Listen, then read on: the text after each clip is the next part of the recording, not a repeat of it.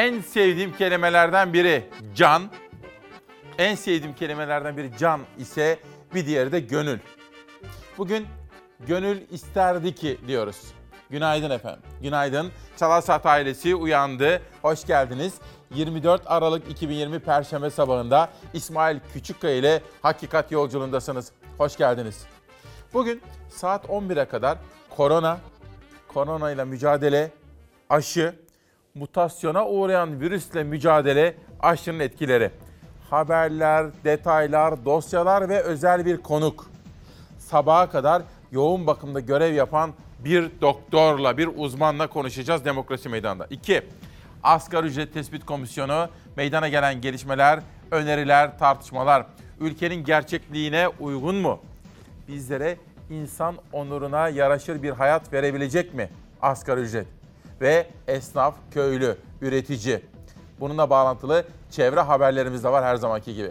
Bir taraftan Avrupa İnsan Hakları Mahkemesi'nin verdiği Selahattin Demirtaş kararı siyasette tartışılıyor. Bir taraftan STK'lara yani sivil toplum kuruluşlarına kayyum atama yetkisine dair bir düzenleme. Türkiye nereye gidiyor? şeklinde bir soru. Muhalefetten gelen eleştiriler ve sivil toplumdan gelen bunu yapmayın şeklindeki çağrılar. Bunun dışında hayatın içinden haberler, sizler için hazırladığımız özel sürprizler, başka gazete ve televizyonlarda göremediğiniz ülkemizin gerçekleri. İsmail Küçükkaya ile Çalarsat ailesi şimdi gazetelerle başlıyor. İlk haber bugün Fenerbahçe'den bahsetmek istiyorum. Gazetelerde göreceksiniz. Fenerbahçeler zorlu Başakşehir karşısında çok konuşulan, çok tartışılan bir maç oynadılar. Ve Fenerbahçe için gerçekten çok önemliydi. Sezona iyi başlamışlardı. Sonra bir duraksama oldu.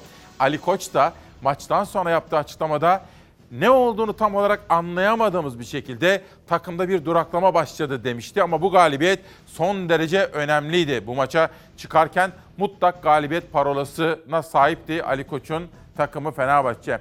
Ligde son 6 maçta 4 kez kaybeden Fenerbahçe sezonun patlamasını Başakşehir'e karşı yaptı. Hayata Dönüş Fanatik Gazetesi böyle bir manşete çıkmış. Diğer kuşakta da yine Fenerbahçe ile başlayacağız efendim. Fenerbahçeliler derin bir oh çektiler ama tartışmaya ilişkinde hakem kararlarına dair de tartışmalar vardı. Ali Koç biz bizim oyuncularımız bileğinin hakkıyla kazandı dedi. Bugünkü ana manşetlerimizden birisi işte bu. Geçiyorum korona. Koronaya dair gelişmeler de yine bu sabah manşetlerde olacak. Ama aynı zamanda bir beklesin bir dakika. Biraz evvel Hatice Hanım soruyordu. Günün hava durumu. İrfan hazır mıyız? Günün hava durumuna bakalım.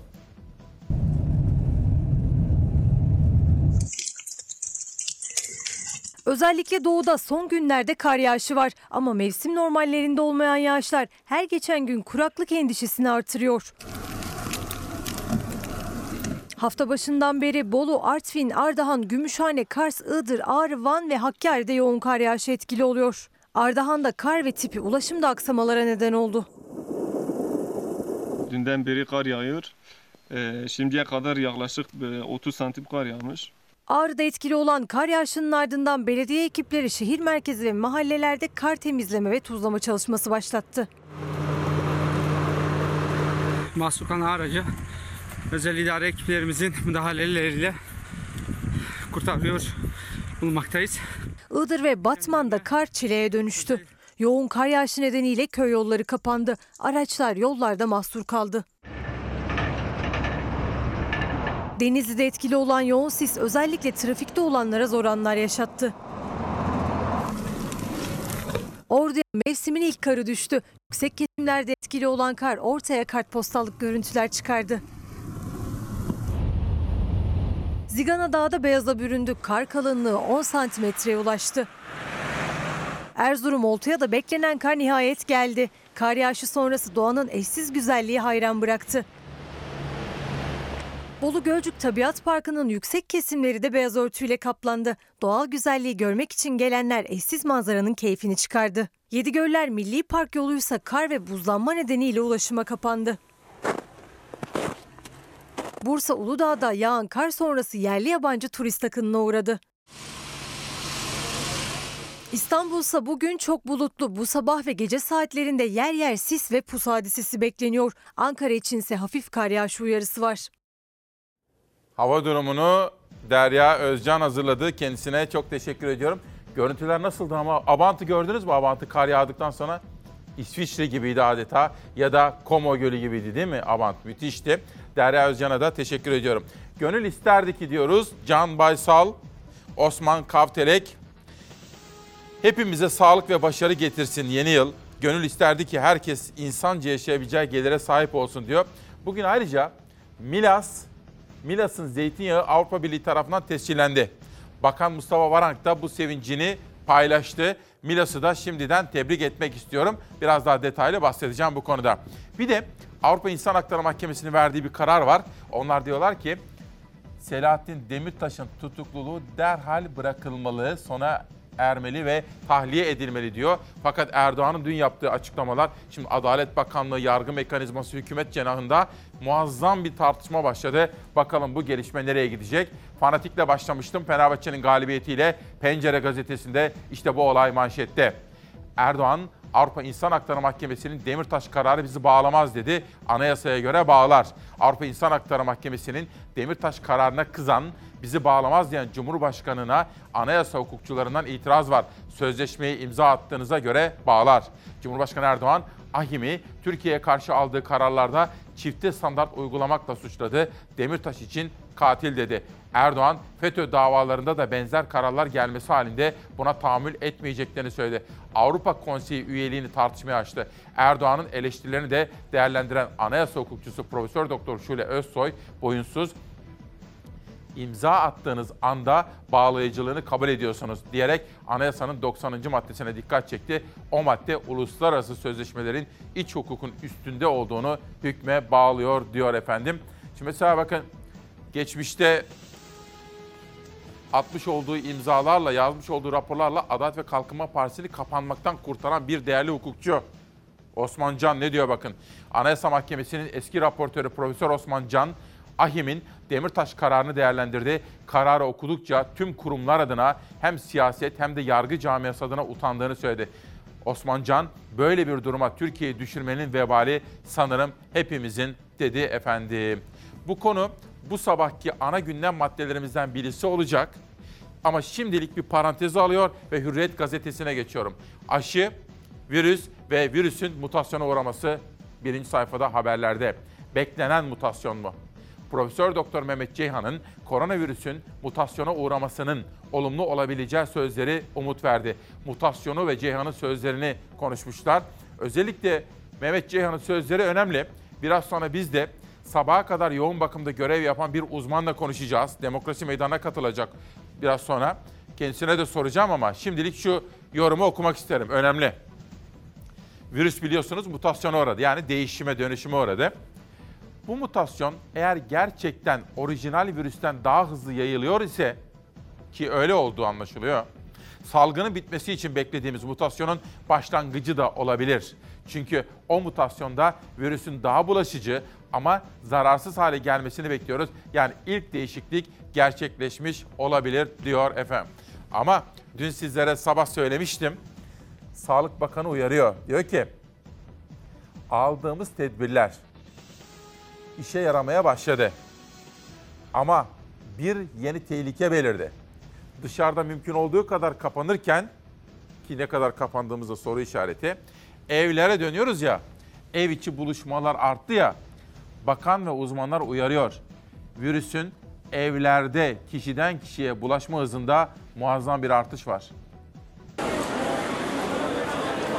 Hayat eve sıkmıyor abi. Nasıl sıksın hayat eve? İş yok, para yok, aç. Bu hayat eve sıkar mı? Sıkmaz. Hayat eve sığmıyor çünkü çalışmak zorundalar. Her gün milyonlarca kişi geçim derdi için sokağa çıkıyor, kalabalıklara karışıyor. Akşam olunca eve dönüyor. Sağlık Bakanı Fahrettin Koca'nın da dikkat çektiği gibi koronavirüsün ev içinde bulaşma riski çok yüksek. Virüsün bulaşma yolları değişmeye başladı. Ev içi bulaşma oranları %85'e kadar yükseldi. Bazen hastalar öbek öbek geliyor. 4 kişi 5 kişi bir arada geliyor. Aynı soy isme sahip ve tamamına yakınında PCR yaptığımızda pozitifle karşılaşıyoruz. Vaka sayısı 20 binin altında. Vakaların azaldığı bu dönemde aile içi bulaşmalar artış gösteriyor. her yerde tedbirlere uymalıyız. Bakan Koca da vakaların azalmasına vurgu yaptı. Ancak buna karşılık can kaybı sayısı bugüne kadar olanın en yüksek noktasında 24 saatte 259 koronavirüs hastası daha yaşamını yitirdi. Ev içinde bulaş oranı arttı ama evin içinde kendi kendine giremiyor virüs. Çalışmak zorunda olanlar, toplu taşımayı kullanması gerekenler yani mecburen kalabalığa karışmak zorunda olanlar ev içine taşıyorlar virüsü. Hem dışarıda hem de evde risk artıyor. 23 Aralık tablosunda toplam ağır hasta sayısı 4901, iyileşen hasta sayısı ise 34492 olarak kayıtlara geçti. Ailenin büyükleri gerçekten 65 yaş üstündekiler zaten çıkmıyorlar. Ben diyor hiç evden çıkmadım bu hastalık nasıl geldi diyor ama sorguladığınızda evden dışarı giden işte küçük oğlan büyük kız birilerinin mutlaka dışarıyla temasta olduğu ortaya çıkıyor. Salgınla mücadelenin önemli merkezlerinden Cerrahpaşa Tıp Fakültesi'nin dekanı Profesör Doktor Sait Gören de aynı aileden hastaların çoğunlukta olduğunu söyledi. Çalışmak zorunda olanlara göre ise evdekileri koruyabilmek neredeyse imkansız çünkü hayatlarını eve sığdıramıyorlar. Paran varsa sığar. Para yoksa hiçbir yere sığmaz.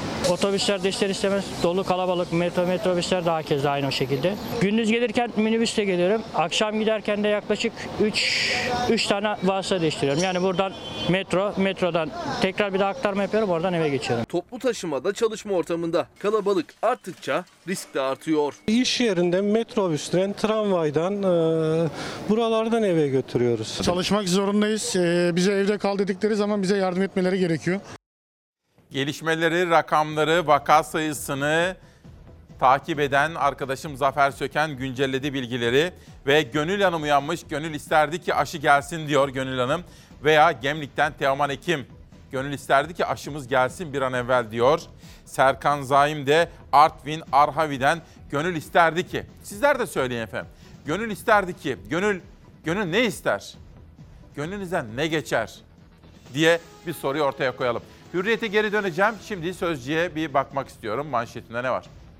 Yılmaz Özdil. Yılmaz Özdil kendisine nefret kusan ilahiyatçıya ve onu destekleyen Ayasofya imamına böyle seslendi. İnsanlara iftira atmak dine de hukuka da sığmaz. Ayasofya baş imamı Profesör Mehmet Boynukalın Özdil'in cesedi camiye sokulmasın diyen doçent Sifil'in haklı olduğunu söyledi. Yazıklar olsun diyor Sözcü gazetesi. İmam Boynukalın Yılmaz Özdil ve Cüneyt Akman'ın ekranda Allah'ın ayetleriyle alay ettiğini ve küfre girdiğini ileri sürdü. Dolayısıyla Ebu Bekir Sifil Hoca doğru söylemiş dedi. Müslümanlığın birleştirici, kucaklayıcı ruhuna aykırı olan bu söylem tepki çekti. Herkes nefret suçu işliyorlar derken yazarımız Yılmaz Özdil diyor Sözcü gazetesi şunları söylemiş. Ayasofya imamını Allah ıslah etsin. Dini siyasete alet eden bir imama bir Müslüman tek Türk vatandaşı olarak hakkımı helal etmiyorum. İnsanlara iftira atmak dine de hukuka da sığmaz diyor Türk basının çok okunan yazarı Yılmaz Özdil. Sözcüye de geri döneceğim Hürriyet gibi ama şimdi de Beyza Gözeyik tarafından hazırlanan dünyadaki koronaya dair gelişmeler var. Gönül isterdi ki dünyadaki gelişmeleri de çok daha iyi takip edelim ve sizlerle paylaşalım. Bunu yapmaya çalışıyoruz. İşte bakın dün başlamıştık bu haberleri sizlere anlatmaya. Independent gazetesinde kamyon ve tır şoförleriyle ilgili bir haber dikkatimizi çekiyor. İngiltere'de virüsün mutasyona uğramasından ve bunun ortaya çıkmasından sonra kapanma meydana gelmişti. Özellikle Fransa sınırında çok sayıda kamyon ve tır şoförü mahsur kalmıştı ve bir kaos yaşandı, bir arbede yaşandı. Bütün bu gelişmeler Independent'ın manşetinde. Ve İngiltere'den El Pais'e geçelim. Şimdi fotoğrafa dikkatle bir bakın. Aynı şekilde kamyoncular, tır şoförleri soğuk havada adeta mahsur kaldılar ve mahsur kalan kamyoncular kötü hava koşullarına, soğuğa nasıl direnmek istediler? Kamyonun arkasına sığındılar. Onun biraz üzerindeki yazıya şöyle bir baktığınız zaman 2 milyon İspanyol Mart ayına kadar aşılanacak haberini görmekteyim. Böylece İngiltere'den İspanya'ya, İspanya'dan İtalya'ya geçiyoruz. Buongiorno diyoruz. La Repubblica gazetesinin manşetinde de yine Covid ve Covid'e ilişkin haberler var. İtalya'da nasıl yansıyor bütün bu gelişmeler? Covid'in yeni varyantı, hani mutasyona uğramış yeni şekli. Çocuklar için ve gençler için tehlikeli olduğunu söylüyor La Repubblica gazetesi. O halde şimdi de dünyada bu konuda meydana gelen gelişmeleri dikkatle takip ediyoruz. We've discovered a new, more contagious virus, a variant that is spreading at a dangerous rate. İngiltere Sağlık Bakanı virüsün ikinci bir mutasyonunu daha tespit ettiklerini açıkladı. İkinci mutasyonun Güney Afrika kaynaklı olduğunu ifade etti. Daha bulaşıcı olduğu belirtilen virüsün yeni varyantı Güney Afrika'da bulaşma oranını artırdı. Ülkede test yapılan her 4 kişiden birisi pozitif çıkıyor. Dünyanın salgın kabusu büyüyor. Bir günde 683 bin yeni vakayla beraber dünya genelinde virüse temas 80 milyona tırmandı. Can kaybı 1 milyon 740 bine yaklaştı. Tahmin edilen zamandan önce başladı birçok ülke aşı uygulamasına. Her şey yolunda giderken İngiltere'den virüsün mutasyona uğradığı haberi geldi. %70 daha bulaşıcı olduğu açıklanan yeni mutasyonun yarattığı endişe tazeyken bir mutasyon haberi daha geldi. İngiltere Sağlık Bakanı farklı türün kaynağı Güney Afrika dedi. Güney Afrika'dan gelen herkesin testi beklemeden kendisini iki hafta karantinaya alması gerektiğini belirtti. Güney Afrika ise görülmemiş vaka artışıyla mücadele ediyor. Bugüne kadar tespit edilen toplam bulaşma 1 milyona tırmandı. Ülkede 24 saatte 14 bin yeni vaka, 450'ye yakın can kaybı bildirildi. Bilim insanları artan vaka ve ölümleri virüsün yeni mutasyonundan kaynaklı olduğunu düşünüyor. Almanya'da ise durum kötüye gidiyor. Bir günde 800'den fazla insan virüs nedeniyle yaşamını yitirdi. Günlük vakalar 30 bini geçti. Noel tatili öncesi artan seyahatlerin bulaşmayı hızlandırdığı açıklandı. Almanya'da seyahat kısıtlamasının gelip gelmeyeceği merak konusu. Birçok ülkede sokaklar, caddeler çok kalabalık. Sebebi ise yeni yıl alışverişi. Vakaların hızla arttığı İtalya'nın başkenti Roma'dan gelen görüntüler endişeleri artırdı. Benzer görüntüler Fransa'dan da geldi. Başkent Paris'te mağazaların önünde uzun kuyruklar oluştu. Başta İngiltere olmak üzere dünyadan farklı haberleri de sizlere aktaracağım. Bu arada ABD Başkanı Trump bir veto hakkını kullandı. Acaba neyi veto etti? 900 milyar dolarlık neyi? Buna bakacağım. Ayrıca Trump kimleri affetti? Buna bakacağım. Bunun dışında Canan Erin Ankara'dan gönül isterdi ki pandemi bitsin normale dönsün derken Betül Şengör diyor ki bakın günaydın. Ayda 7500 kişi vefat ederken yüz yüze sınav nasıl yapılacak? Biri bunu anlatabilir mi? Çocuklar ölmüyor diye mi düşünerek bu karar veriliyor? Okullar ve okuldan eve taşınan risk.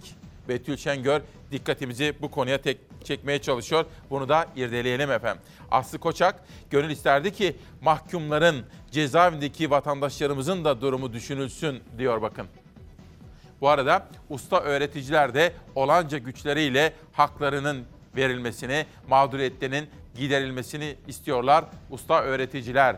Sözcüye de geri döneceğim. Hürriyette ve pencereye olduğu gibi şimdi sabaha geçiyorum. Sabah gazetesinin manşetinde Cumhurbaşkanı Erdoğan var. CHP temizlenmeden milletin önüne çıkmasın diyor Erdoğan. CHP'nin eğer azıcık ağır haya duygusu varsa partiyi ur gibi saran taciz, tecavüz, hırsızlık iddialarında temizlenmeden milletin karşısına çıkmaması lazım diyor. Dün AK Parti grup salonunda konuşmasındaki Erdoğan'ın sözleri sabaha böyle manşet olarak yansıyor. Sabahtan bir detay daha seçtim sizler için. Gelsin bakalım. Heh. Avrupa İnsan Hakları Mahkemesi kararı 200'lülük. Erdoğan'ın dünkü sözleri. Erdoğan, Selahattin Demirtaş'la ilgili hüküm AHİM'in İspanya'daki Batasuna Partisi kararıyla çelişmektedir dedi. Bizi bağlamaz dediği belirtiliyor efendim Erdoğan'ın. Ancak buradaki gelişmeleri sizlere çok daha detaylı olarak bugün anlatmaya gayret edeceğim. Sabahtan da bir sonraki gazeteye geçelim. Bakalım hangi manşetleri okumaya devam edeceğiz. Bir gün gazetesi. Bilmemek ölmekten kurtarır mı? Önlem yerine deprem verilerini gizleme peşindeler. Deprem komisyonunda veriler kamuoyuyla paylaşılmasın önerisi yapıldı. Kimi sonuçlar da kaos olmasın diye gizlenmiş. Hüseyin Şimşek okuyalım.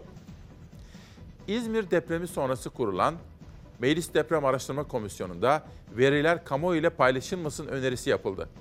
Afet alanında faaliyet gösteren dernek temsilcilerinin katıldığı toplantıda Türkiye Deprem Vakfı Yönetim Kurulu üyesi Profesör Doktor Alper İlki, İBB'nin deprem açıklamalarını eleştirdi, verilerin saklanması gerektiğini savundu. İlki Zeytinburnu ve Fatih'teki çalışma verilerinin kaos olmasın diye kamuoyu ile paylaşılmadığını anlattı. Şunu vurgulamak isterim efendim. Bakın bilgi saklamak, bilgi gizlemek doğru bir tavır değildir. Özel ilişkilerde de, hayatta da, kamusal ilişkilerde de. Doğrusu nedir?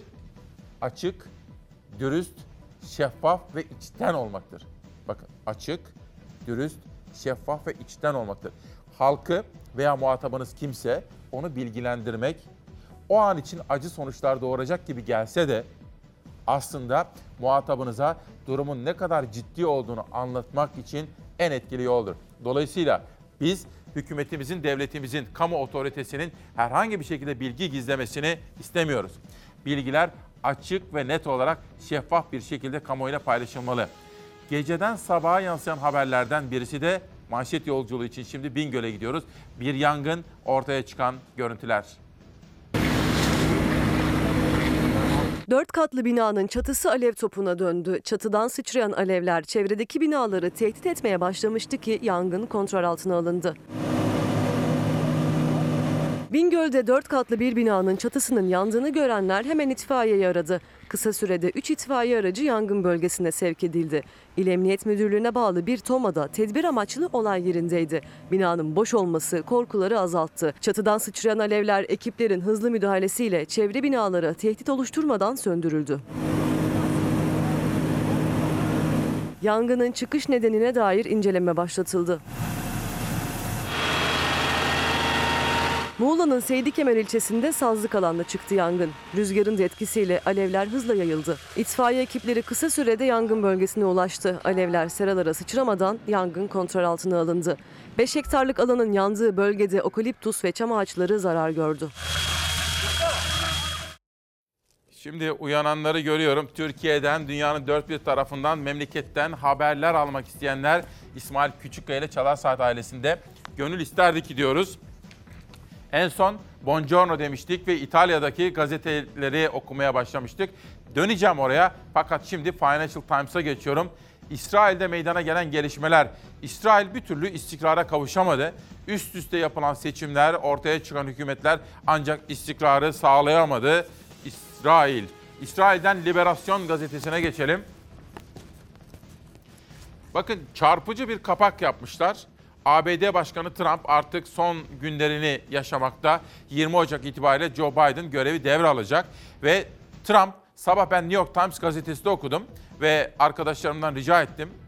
Onlar şimdi Trump'ın veto ettiği yasanın haberini ve ayrıca Trump'ın gider ayak affettiği bazı suçlulara ilişkin haberi hazırlıyorlar. Ve tabii 2020 nasıl hafızalara kazındı? Bir taraftan maske, bir taraftan maskelenmiş bir yıl. Bakın çarpıcı bir manşet atmışlar Liberasyon gazetesinde. İngiltere'de İngiltere'de uzun kuyruklar vardı. Dün sizlere demiştim ki bu konuyu takip ediyoruz. Kamyon ve tır şoförleri İngiltere'ye veya İngiltere üzerinden başka yerlere de malzeme taşıyacaklar. Ama virüs mutasyona uğradığı için önlemler sıkılaştırıldı. İngiltere kapandı. Binlerce kamyon ve tır şoförü şimdi adeta mahsur kaldı. Virüsün yeni mutasyonunun yarattığı endişeyle Fransa hafta başında İngiltere'ye sınırlarını kapattı. Türkiye dahil birçok ülkeye ait tırlar kilometrelerce kuyruk oluşturdu. Adeta tır otoparkına dönen sınır hattında testi negatif çıkana kapılar açıldı. Ancak mahsur kalan şoförler arasında tansiyon yükseldi, arbede yaşandı.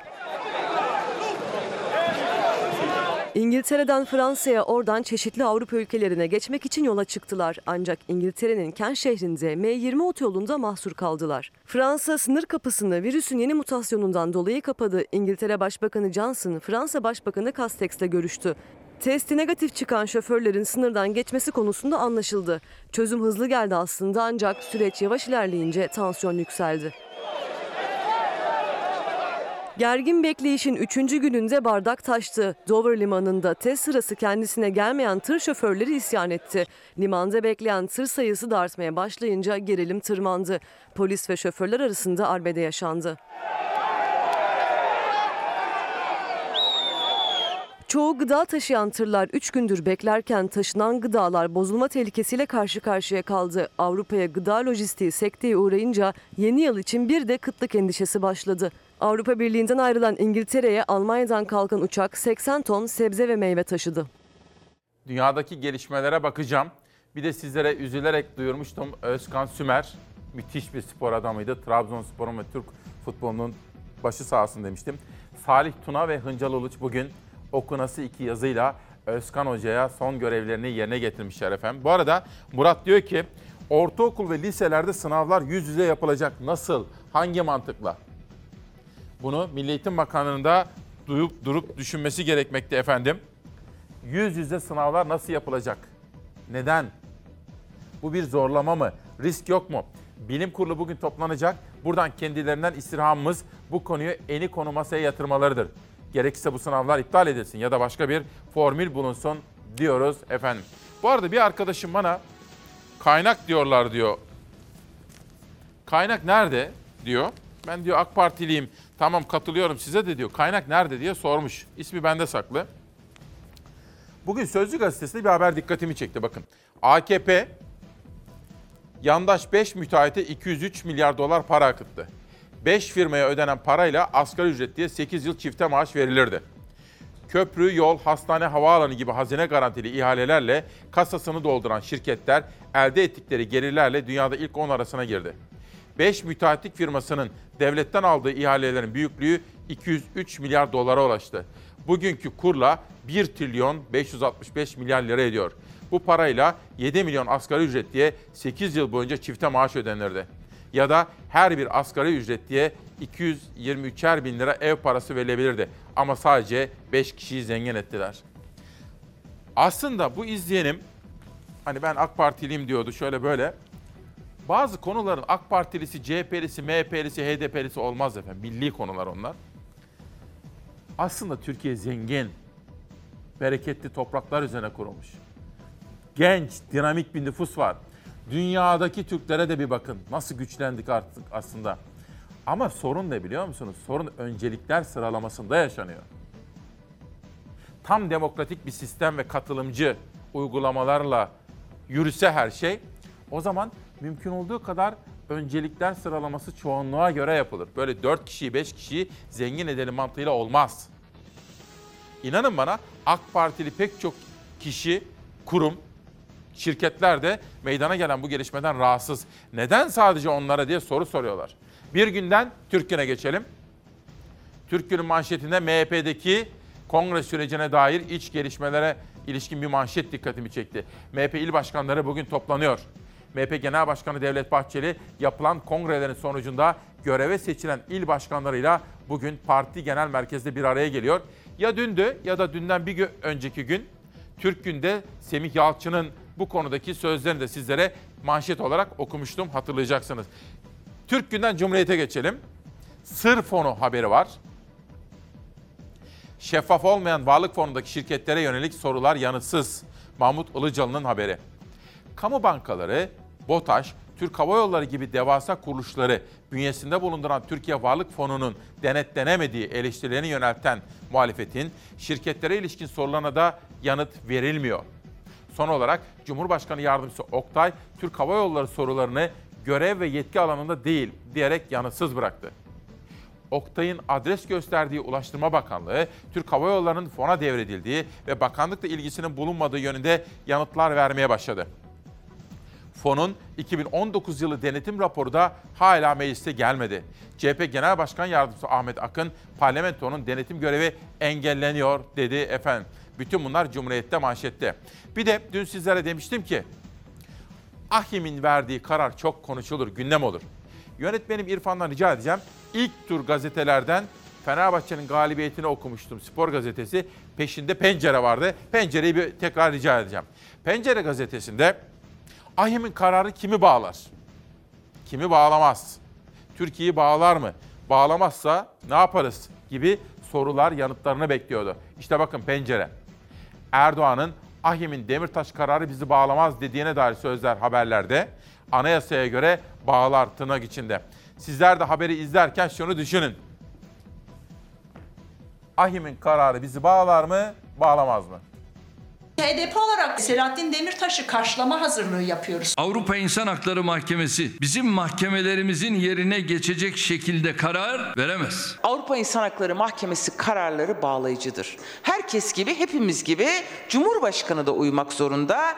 Avrupa İnsan Hakları Mahkemesi bu kararı iç hukuk yolları tüketilmeden alarak istisnai bir uygulama yapmıştır. Tamamıyla bu adımlar siyasidir. Uzun süren yargılamalarla iç hukuk süreci tamamlanmamış deyip sonra bunu dışa bir eleştiri söz konusu olduğunda bir gerekçe olarak söylemek doğru değil. Avrupa İnsan Hakları Mahkemesi Büyük Daire'nin Selahattin Demirtaş hakkındaki derhal serbest bırakılmalı kararı sonrası muhalefet karar bağlayıcı, Türkiye uymak zorunda derken Cumhurbaşkanı Erdoğan konuştu. Ahim eleştirdi. Demirtaş için bir kez daha terörist ve katil ifadesini kullandı. Bu şahıs bölücü terör örgütünün emriyle onlarca kişinin ölümüne yol açtığı için milletimizin gözünde de suçludur. Kobani'nin katili budur. Diyarbakır'daki 53 tane gencin, yavrumuzun katili budur. Ey ahim sen anlamasan da biz anlatmaya devam edeceğiz. Erdoğan o konuşmasıyla elimdeki anayasadan tarif ederek söylüyorum. Şu anda baktım 3 maddeyi kafadan ihlal etti. Anayasa 38 masumiyet karinesi. Anayasa 100 iç yemin. 138 mahkemelere talimat veriyor. Ahim Büyük Dairesi ikiye karşı 15 oyla 4 yıldır tutuklu olan Selahattin Demirtaş için ağır hak ihlaline uğradığına hükmetti. Siyasi nedenlerle tutuklu bulunduğunu ve tahliye edilmesi gerektiğini söyledi. Uluslararası sözleşmelerin altına Türkiye olarak imza attıysanız bu kararlara uymak zorundasınız. Ahim şu anda böyle bir teröristi savunmanın arkasında olduğunu bilmelidir. Yasaları tanışmay- tanımayan, uluslararası sözleşmeleri beni ilgilendirmiyor diyen bir lider dünyanın neresinde olursa olsun diktatördür. Terör örgütünün şiddet eylemini kınamamayı teröre destek olarak kabul eden bir mahkemenin 6-8 Ekim 2014'te 39 vatandaşımızın hünharca katledilmesiyle sonuçlanan bir eylemin baş sorumlusunun tahliyesini istemiş olması resmen çifte standarttır hatta iki yüzlülüktür. Hem diyeceğiz ki biz Avrupa ile birlikte yürüyeceğiz. Öbür taraftan da dönüp diyeceğiz ki Avrupa Birliği'nin belli kurumlarının almış olduğu kararlara da itibar etmeyeceğiz. Muhalefet Türkiye'nin Ahim Sözleşmesi'ndeki imzasını hatırlattı. Cumhurbaşkanının vurgusu çarpıcıydı. Bunca çifte standarda ve riyakarlığa daha fazla tahammül etmek mecburiyetinde olmadığımızın da bilinmesini isterim. Tabii şimdi çok zor bir durumda kaldık. Ben Profesör Doktor Osman Can hocamız gibi düşünüyorum. Osman Can hocamız da bu konudaki gelişmeleri Türkiye'nin sıkıntı yaşadığına dair diye yorumluyor. Yani meydana gelen Demirtaş'la ilgili gelişmeler Türkiye için çok sıkıntılı bir sürece işaret ediyor. Bir arkadaşım Murat Bey İletişim Başkanı Fahrettin Altun'un tweetini de almış ve Can Dündar dün hapis cezasına çarptırıldı. Son dakika olarak sizlere aktarmıştım. İletişim Başkanı Fahrettin Altun da Can Dündar'ın Türkiye'ye iade edilmesi gerektiğini söylemiş. Fakat Almanya Dışişleri Bakanı Helko Maas da bu karar yani Can Dündar'a verilen hapis kararı bağımsız gazeteciliğe ağır bir darbe. Türkiye verdiği taahhütlere uymalı dedi şeklinde bir haberde bizimle birlikte. Bu arada Alekber Yıldırım da İzmir'den Milas Milas'ın zeytinyağına Avrupa Birliği tescili şeklindeki haberi de yine paylaşmış. O da efendim. Bir de gönül isterdi ki şöyle lapa lapa kar yağsın. Yağmur yağsın memlekete, bereket. Barajlar dolsun diyorum. Ama Edirne'den gelen bir ses var, üzdü bizi. Edirne Belediye Başkanı Recep Gürkan, Trakya'da son 91 yılın en kurak döneminin yaşandığını bakın. 91 yılın en kurak dönemi. Kayalıköy Barajı'ndaki su rezervinin de %3'e düştüğünü açıkladı. Kabaca söylüyorum, ilerleyen dakikalarda net rakamı da aktaracağım ama her gün takip ediyorum arkadaşlarımla birlikte. İstanbul, Ankara, İzmir her yerde, dün Batman'daki Çağdaş Gazetesi'de de vardı. Barajlardaki su seviyesi iyiden iyiye düştü. Ama Edirne en vahim durumdaki. Bir sulama kooperatifi var. İşte sulama kooperatifinin seçimleri nedeniyle sonra seçimi de kaybetti. O başkan e, silajlı mısır ekimi, işte vahşi sulama, bol bol bol bol bol bol su kullanıldı, kullanıldı, kullanıldı. ve Kayalı Barajı'ndaki su miktarı %3 seviyesine düştü. Türkiye'deki en düşük seviyedir bu. Bugün itibariyle yüzde yani 11 ayda 11 aylık çalışmada yüzde 40'tan fazlasını bitirdik. 5-6 ay içerisinde yeni yerleşimin tamamı içme suyu anlamında bitmiş olacak. Altyapıyı yenileme kararımızın ne kadar isabetli olduğu biz kuraklığı öngörmedik o zaman. Kuraklık dolayısıyla bizim kayıp kaçak %40'a varan kayıp kaçak oranlarımızın artık hiç olmayacak olması, vatandaşımızın mutlaka mutlaka eee, suyu kullanırken tasarruflu kullanması, mutlaka planlı tarım yapılması, su kaynaklarının kontrollü kullanılması, tarım ekim alanlarının buna göre eee revize edilmesi. Trakya son 91 yılın en kurak dönemini yaşıyor. 91 yılın. Yeraltı sularımız %85 oranında azaldı sevgili hemşehrilerim. Yeraltı sularımız %85 oranında azaldı. Bir faciaya doğru gidiyor. Kayalıköy hattı, yeni içme suyu arıtma, 6 tane depo yapılıyor şu anda, yeni depolar. Ve şehir içi içme suyu şebekesinin tamamen yenilenmesi siz belki etmeyeceksiniz ama çocuklarınız, torunlarınız teşekkür edecekler. Durum kötü. Ali Şeylioğlu hocamız da tıp fakültesi öğrencilerinin hasta bile görmeden, hastaya dokunmadan eğitim aldıkları bu zorlu döneme ilişkin görüşler ve gönül isterdi ki bu zorlu dönem bitsin ve her şey normale dönsün ama şu anda pek kolay gözükmüyor efendim maalesef. Olacak ama zamanla. Canım İsmail abim günaydın. Gönül isterdi ki 60 bin atama beklenen öğretmenler artık müjdesini alsınlar diyor. En son Cumhuriyet'te kalmıştık. Türk Gün Cumhuriyet Yeni Çağ. Bugün asgari ücrete ilişkin detaylı haberler konuşacağım sizlerle. Bu konuda manşetler okuyacağım. Hazırladığımız haberler var. Yeni Çağ'dan okuyacağım şimdi önce. Avrupa'da asgari ücretli çalışanların oranı %9 iken bu oran Türkiye'de %57 ile 6'ya katlanmış durumda diyor.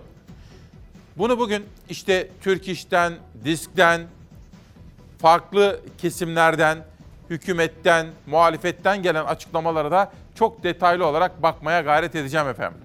Şimdi dünyanın öbür tarafına gideceğiz. Bence çok önemli. Trump seçimi kaybetti. Gidiyor. 20 Ocak'ta Joe Biden göreve gelecek. Gider ayak iki adım attı. Bunlardan birisi bazı suçluları başkanlık yetkisini kullanarak affetti. Amerika şimdi kaynıyor. Bir diğeri de nasıl diyeyim?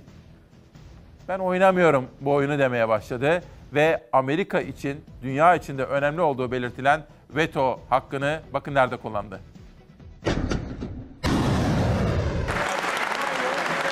Başkanlık koltuğundaki son bir ayına giren Trump, Çin ve Rusya'ya hediye diye nitelediği Türkiye'ye yaptırım uygulanmasını da öngören savunma bütçesi tasarısını veto etti. Amerika Birleşik Devletleri 2021 savunma bütçesi tasarısı Trump'la Senato ve Kongre arasında gerilime neden oldu. Başkan Trump'ın her fırsatta veto edeceğini söylediği tasarı Temsilciler Meclisi ve Senato'dan 3'te 2'den büyük oy çoğunluğuyla geçti. They gave me a thing called Regeneron, right? Trump Türkiye'ye S-400 alımı nedeniyle yaptırımları da öngören bütçe tasarısını veto etti. Ancak tekrar kongreye dönecek tasarı aynı çoğunlukla kabul edilirse Trump'ın vetosu geçersiz kalacak. Türkiye'ye S-400'ler nedeniyle yaptırım uygulama kararı alan Amerika Birleşik Devletleri'ne Ankara'nın tepkisi sert olmuştu. S-400 konusu olmasaydı benzer yollara başvurulacağı anlaşılıyor. Maksat üzüm yemek değil, bağcıyı dövmektir. Bu nasıl bir ittifaktır? Bu nasıl bir müttefikliktir?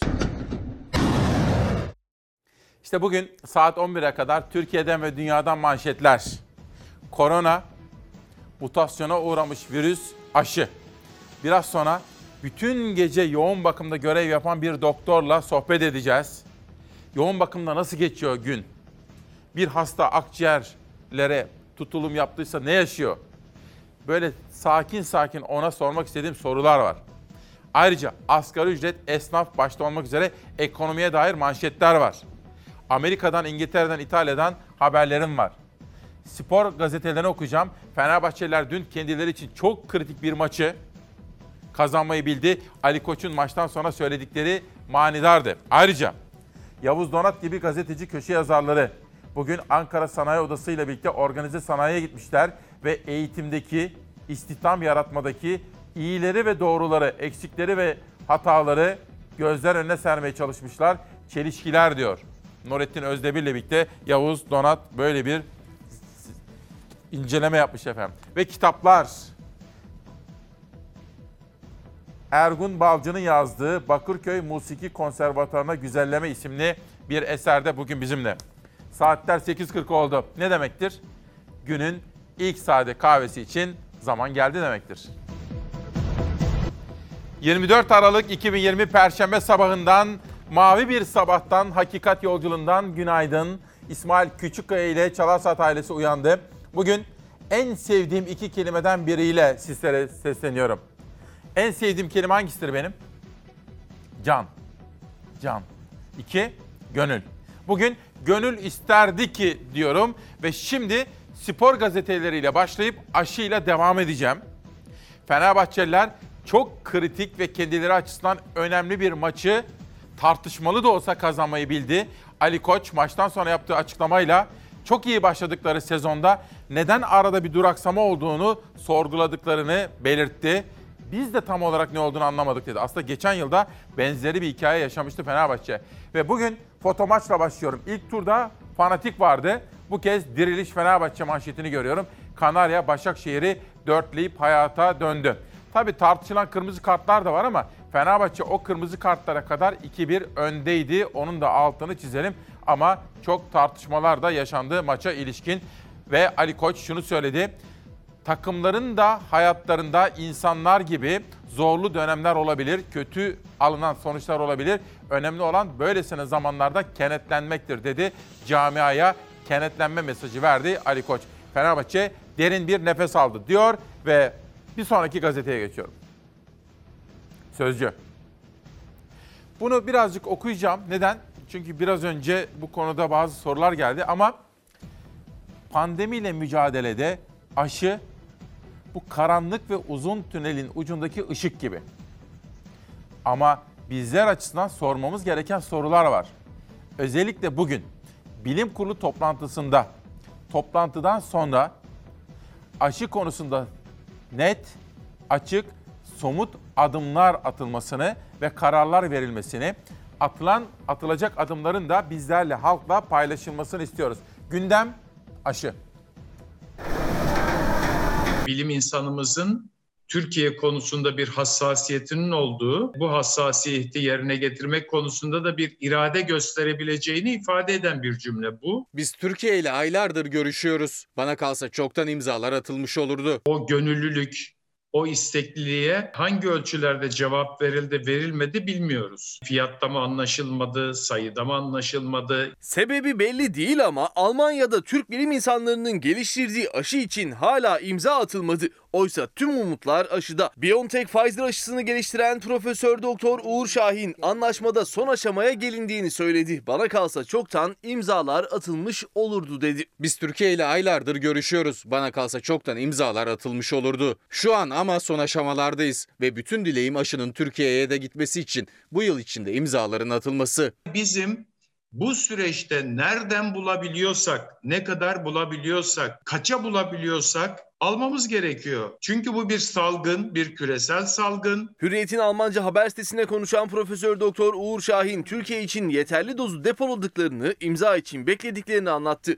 O aşı Avrupa'da ücretsiz uygulanıyor. Ancak Türkiye'de ücretli olacak. Üstelik Alman aşısı daha gelmeden Türkiye'de uygulanacak KDV oranı belli oldu. Cumhurbaşkanı kararıyla eczanede satılacak aşıların vergisi %1 olarak belirlendi. Sağlık Bakanlığı bir buçuk iki ay önce bir açıklama yaptı. Çin'den gelecek inaktif aşıların ücretsiz verileceğini, BioNTech'ten alınacak aşıların da 1 milyon civarında olduğunu, bunların da eczanelerden verileceği. Eczanelerden verilecekse tabii ücretli verilecek diye düşünüyorum. Buna bir e, KDV de koyup devlet buradan bir girdi çıktıdan bir gelir elde etmek istiyor olabilir. Biz ne tür aşılar olursa olsun Bunların ücretli olmasını doğru bulmuyoruz. Ücretsiz olmalı. Bu bir salgın. Gözlerse Alman aşısından önce ücretsiz uygulanacak Çin aşısında 3 milyon doz Türkiye'ye gelmek üzere. 3 ay içinde de 50 milyon doza ulaşılması hedefleniyor. 11 Aralık'ta gelecekti aşı. 25 Aralık. Şimdi Ocak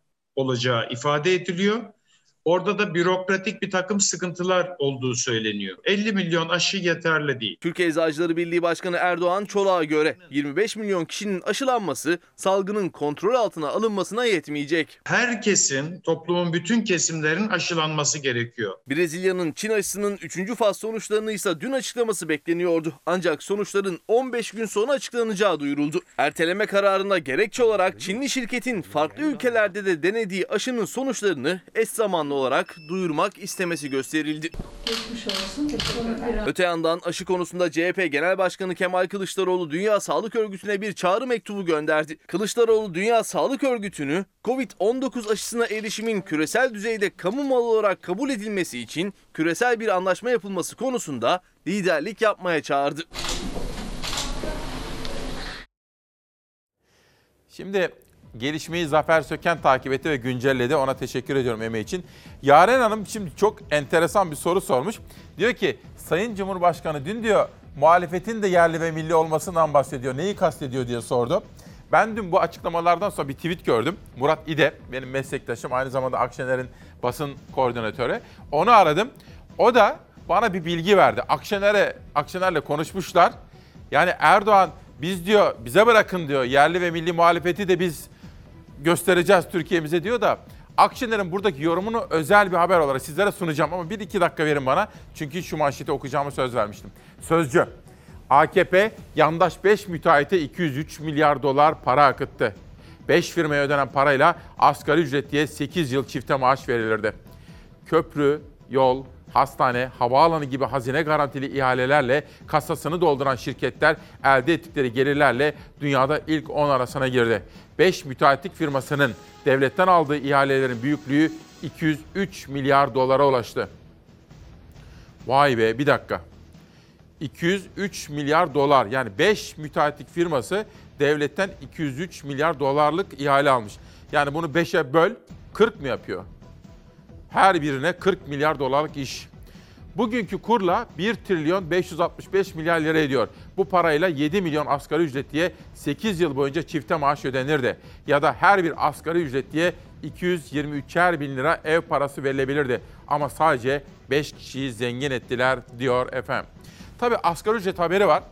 Efendim bu asgari ücret haberi özellikle Saadet Partisi dün haftalık basın toplantısını yaptı Temel Karamollaoğlu. Asgari ücret konusunda hükümeti eleştirdi. Haberi izleyecekseniz dönüşte ben Erdoğan'ın biz yerli ve milli muhalefeti de halkımızın hizmetine sunacağız demişti ya Cumhurbaşkanı ve AK Parti lideri. Akşener'in bu konudaki yorumunu İsmail Küçükkaya ile Çalarsat ailesine özel size anlatacağım. Başlangıçta da söylemiştik. Herkese, çocuklar da dahil olmak üzere iktidar bir defaya mahsus olmak üzere şimdilik bin lira bir destek vermeli. Yardımda bulunmalı. Türkiye bunu karşılayacak güçtedir. Bu karşılandığı takdirde vatandaşta bir rahatlama meydana gelir. En azından endişe ve gerginlik ortadan kalkar. Bunu bir defa daha teklif etmek gereğini duydum. İktidara da sesleniyorum. Böyle bir adımı atın. Emin olun bundan hem milletimiz istifade eder hem de size karşı bir teveccüh doğar. Bunun yanında insanları istihdam eden esnafımız, iş adamlarımız da var. Biz bunların da durumunu düzeltmek için bir takım çareler üretmek mecburiyetindeyiz. İşletmelerin şu anda hele küçük işletmelerin, esnafımızın en büyük sıkıntısı elektrik, doğalgaz, su gibi konulardaki ödemeler. Bunların ya uzun vadeli tehir edilmesi veya iktidar tarafından belli bir süreyle karşılanması gerekir. Bu süreçte işini kaybetmiş garsonlar, günlük yevmiye ile çalışan vatandaşlarımız, servis şoförleri ve kantincilerimiz de bir desteğe muhtaç. Bunlar çalışıyorlardı, şu anda çalışamıyorlar. Kredi paketleri yerine işletme sahiplerine ve esnafımıza hibe yapılmalı. Perişan duruma düşen esnafımıza mutlaka destek vermeliyiz. Mutlaka onların ayakta kalmaları istikrarını sağlayacak adımlar atmalıyız. Belirli düzeyde istihdam sağlanması koşuluyla uzun vadeli vergi indirimi, üretim girdilerindeki KDV gibi dolaylı vergilerin alınmaması da bir destek olarak düşünülebilir. Bu da önemli bir adımdır. Çünkü yerine göre gıdada biraz daha düşük olmasına rağmen bu rakam bildiğiniz gibi yüzde 20'lere kadar dayanmaktadır. Ani duruştan en çok zarar gören turizm, lojistik, restoran, kafe gibi işletmelere yönelik destek paketleri de hızla alınmalıdır. Bugün Google ve Ticaret Bakanlığı bir toplantı yapıyor. Aslında ben de gidip izlemek isterdim ya da online ama saatlerimi tam uyuşturamadım. Mehmet Keteloğlu var. Uzun yıllar yurt dışında çalışmış parlak bir Türk genci. Mehmet Keteloğlu şimdi Google'ın Türkiye'deki genel müdürlüğünü yapıyor. Ben de davetliydim aslında ama Zoom'dan da izleyebilirim de fakat uyduramadım. Esnafımızın dijitalleşmesi başta olmak üzere daha fazla detay vermeyeyim şimdi. Ticaret Bakanlığı ile Google arasında bir anlaşma yapıyor bugün. Yarına size onun detaylarını anlatacağım efendim. Esnafımızı yeni dünyanın küresel gerçekleriyle bir araya getirmeye çalışıyorlar. Önemli bir proje takip edeceğim. Dün sizler için çalışmalarımı yaparken, hazırlıklarımı yaparken Murat İde'nin bir tweetini gördüm. Murat İde, Akşener'in basın danışmanı ama benim eski arkadaşım. Beraber program yapmışlığımız var. Şimdi Murat İde tabii cin gibi böyle dili de güçlüdür. Bir tweet attı. Erdoğan'a yönelik bir tweet. Cumhurbaşkanı ve AK Parti lideri Erdoğan'ın yerli ve milli muhalefeti de biz halkımızın hizmetine sunacağız mealinde bir açıklaması olmuştu dün. Murat'ı sonra aradım ben. O da dedi ki güldü biraz. Sonra dedi ki ya benim söylediğimin önemi yok ama dedi. Sayın Genel Başkan'ın bir yorumu var dedi. Anlattı. Ya bana bunu yazılı yazsana dedim. Çünkü Genel Başkan hani kelimeyi değiştirmek de istemem. Aynen şöyle. Meral Akşener söylüyor. Kendilerini her zaman yerli ve milli olarak tanımladıkları için AK Partililere söylüyor, AK Parti yönetimine söylüyor. Kendilerini her zaman yerli ve milli olarak tanımladıkları için buradan anlıyoruz ki Sayın Erdoğan da ilk seçimde iktidar olamayacağını gördü ve bunu anladı ve şimdi muhalefete hazırlanıyor. Kendince muhalefetteki AK Parti'yi tarif ediyor. Yani AK Parti muhalefete düştüğü zaman yerli ve milli AK Parti muhalefeti olmuş olacak diyor Meral Akşener. Bir ironi yapmış efendim. Sözcüden pencereye geçiyorum. Pencerede bir Can Dündar manşeti var. Altında Metin Akpınar, Müjdat Gezen manşeti var. Ama önce hazır bahsi asgari ücretten açmışken İrfan burada daha detaylı bir haberimiz vardı. Hazır mı? İzleyelim. Üniversite öğrencilerimize bir müjde vermek istiyorum. Lisansta 550'den 650 liraya, 1100 lira olan yüksek lisansı da 1300 liraya, doktora da ise 1950 liraya çıkarmış oluyoruz. Cumhurbaşkanı Erdoğan burs ve kredilerdeki artışı müjde olarak duyurdu ama milyonlarca asgari ücretlinin beklediği müjdeye dair bir cümle kurmadı. Gönlünüzden geçen rakam nedir sorusuna görüşmeler belli bir yere gelince cevap vereceğiz dedi. Muhalefetin ise gündemi asgari ücret. TÜİK 40 milyon kişinin 2792 lira almasını yeterli görüyor. Açlık ve tokluktan bahsediyoruz. İşin güçlüğü ayrı bir konu. Siz bir defa önce herkesin karnının doymasını teminat altına almakla mükellefsiniz. Asgari ücret görüşmelerinde artık son düzeye girilirken ücret artışı ne olacak milyonların gözü iktidara çevrilmişken Türkiye İstatistik Kurumu da yeni asgari ücreti hesapladı. Ağır işlerde çalışanlar için 2792 lira dedi. Muhalefetten gelen tepkiye kurum bizimki öneri değil açıklaması yaptı. Daha ağır, zor işlerde çalışanlara ekstradan bir ücret ödemeyi de düşünmelisiniz. Ama önce insanların karnı doyacak. TÜİK çerçevesi teknik bir hesaplama yapmaktadır. Bu hesap bir işçinin ihtiyaç duyacağı aylık toplam harcama gereksinimini göstermektedir. Ne asgari ücret ne de asgari ücret artışı oranı TÜİK tarafından belirlenmekte ve önerilmektedir. Asgari ücret düzeyinde bile maaş alamayan kesimler var. Verdiğimiz kanun teklifinde asgari ücretin sadece işçi için değil, işçinin ailesinin de geçimini kapsayacak şekilde belirlenmesini, asgari ücretinden de verginin kaldırılmasını istedik. CHP asgari ücret hesaplanırken bir işçinin değil ailenin geçimi dikkate alınmalı diyerek 27 maddelik kanun teklifi verdi. Vergi alınmamalı dedi. Muhalefet iktidara çarşı pazardaki pahalılığı hatırlattı. Bu yoksulluk, bu perişanlık ister istemez su yüzüne çıkacak. Seçimlerde elbette bunun karşılığını bugünkü iktidar bütün çabasına rağmen görecek. Enflasyona olumsuz etkiyiz. Milletin 3-5 kuruş asgari ücretinden kesinti yapmaya kalkmak ve bunun enflasyona baskı oluşturacağını söylemek ekonomi bilmemezlik olur. Muhalefetin talebi asgari ücretin 3000 TL ve üzerinde olması yönünde. TÜİK ise bir kişinin aylık toplam harcaması için 2792 TL yeterli dedi. Gözler iktidarda. Çok teşekkür ederim. Doğru değil yani. Tamam tamam. Peki. Şimdi arkadaşlarım bir haber veriyorlardı da şöyle şöyle bir iddia var diye fakat ben doğrudan Sağlık Bakanlığı'nı aradım. Onun ne olduğunu sizlere anlatacağım efendim. Doğru değil dedi, haber doğru değil dedi ama bana birkaç dakika verin. Tam olarak teyit edeceğim. Ama bir iddia vardı. İddiayı ben doğrudan en yetkili isime sordum. Şimdi arada sizlere anlatacağım onu. Ama bana böyle 3-4 dakika müsaade edin lütfen. Pencere gazetesi Can Dündar'a MİT tırları haberi nedeniyle 27 yıl 6 ay hapis. Gazeteci Can Dündar Suriye'ye götürülen MİT tırlarına dair haberi nedeniyle 27 yıl 6 ay hapis cezasına çarptırıldı. Dündar siyasi ve askeri casusluk ile silahlı terör örgütüne yardım etme suçlarından hüküm giydi. Can Dündar karar sonrasında yarın bu kararlara imza atanlar çok utanacaklar. Hapisteyken keşke yapmasaydık diyecekler ifadelerini kullandı diyor. Şimdi haberin en sonuna bir bakın. Şöyle iki bölüm sabah söyledim ama Cumhurbaşkanı'nın iletişim danışmanı Fahrettin Altun iletişim başkanı bir açıklama yaptı. Ona da Almanya'dan gelen bir yanıt var.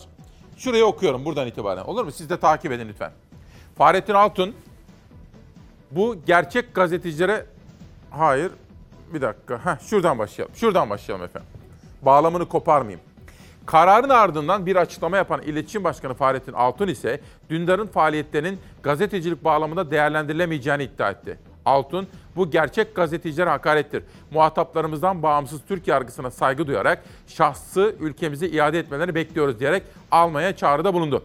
Yani Fahrettin Altun diyor ki, Can Dündar'ı Türkiye'ye iade edin. Almanya Dışişleri Bakanı Heiko Maas tam tersi yönde bir açıklama yaptı. Gazetecilik hükümeti eleştirse de topluma vazgeçilmez bir hizmettir. Bu karar bağımsız gazeteciliğe karşı ağır bir darbedir. Türkiye verdiği taahhütlere uymalı dedi diyor efendim. Bir eğitim haberi var. Sınavlarla ilgili. Hani sabah erken saatlerde de e, bir izleyenim söylemişti Murat Bey'di yanlış hatırlamıyorsam.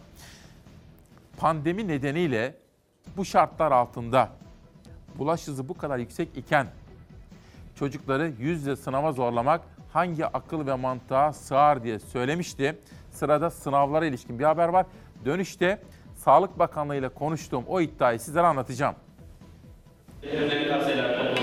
Kapar mıyım hastalığı diye düşünüyorum. Korkuyorum biraz da.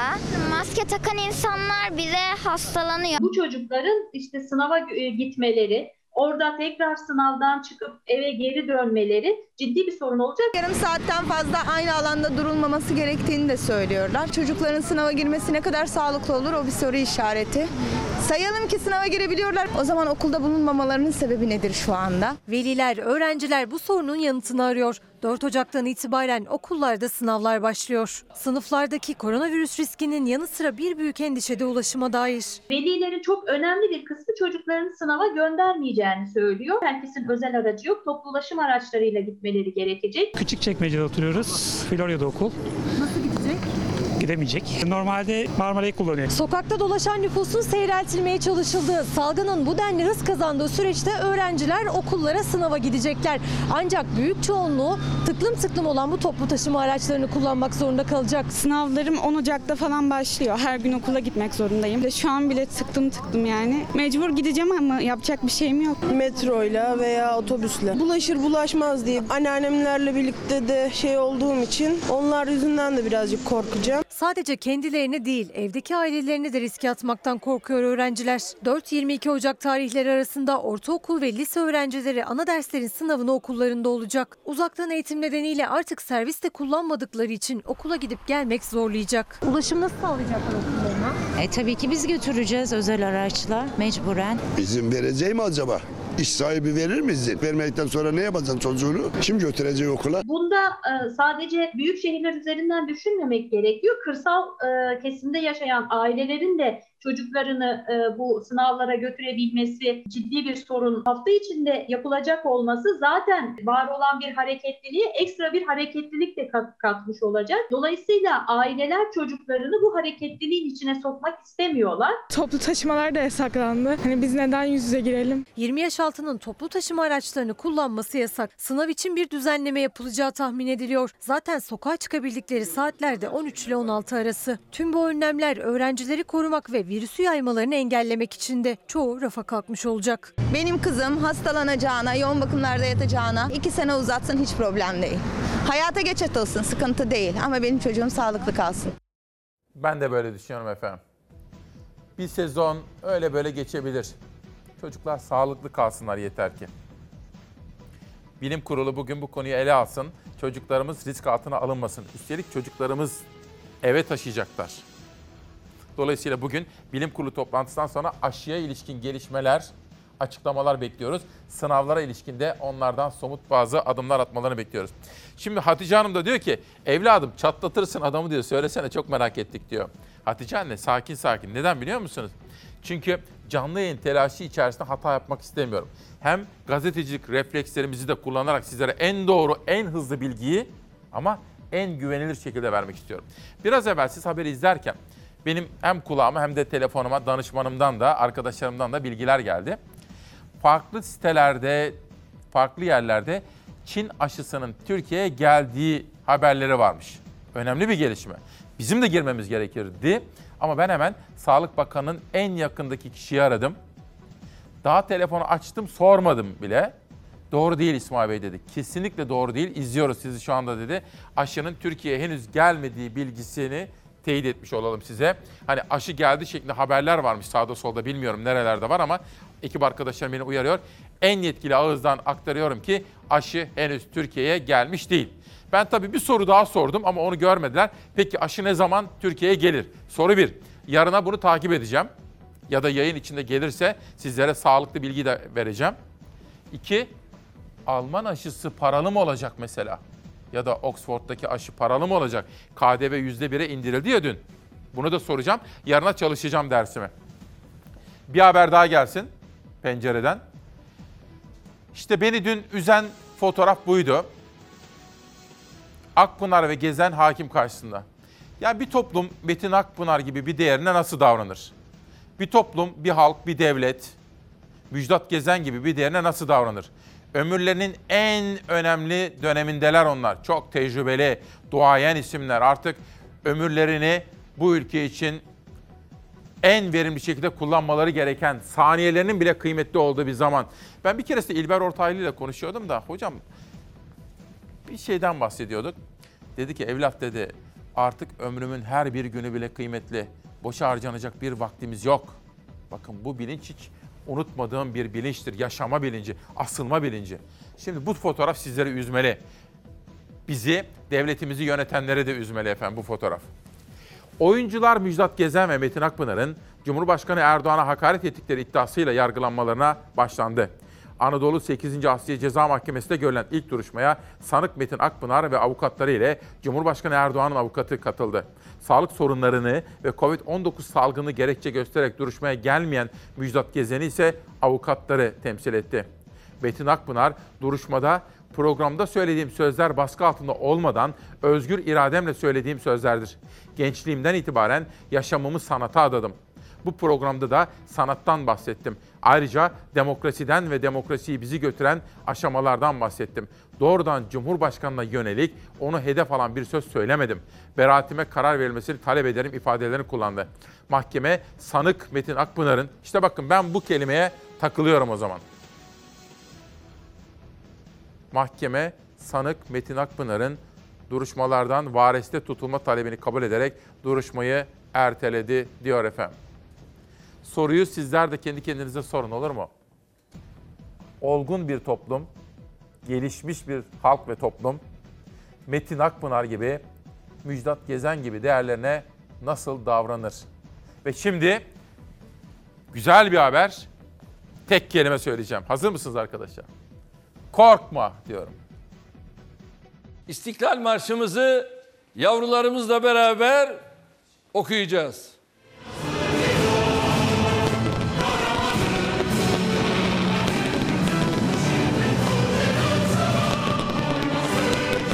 AK Parti, CHP, HDP, MHP ve İyi Parti ortak önerge verdi. 2021 yılı İstiklal Marşı yılı olarak kabul edildi.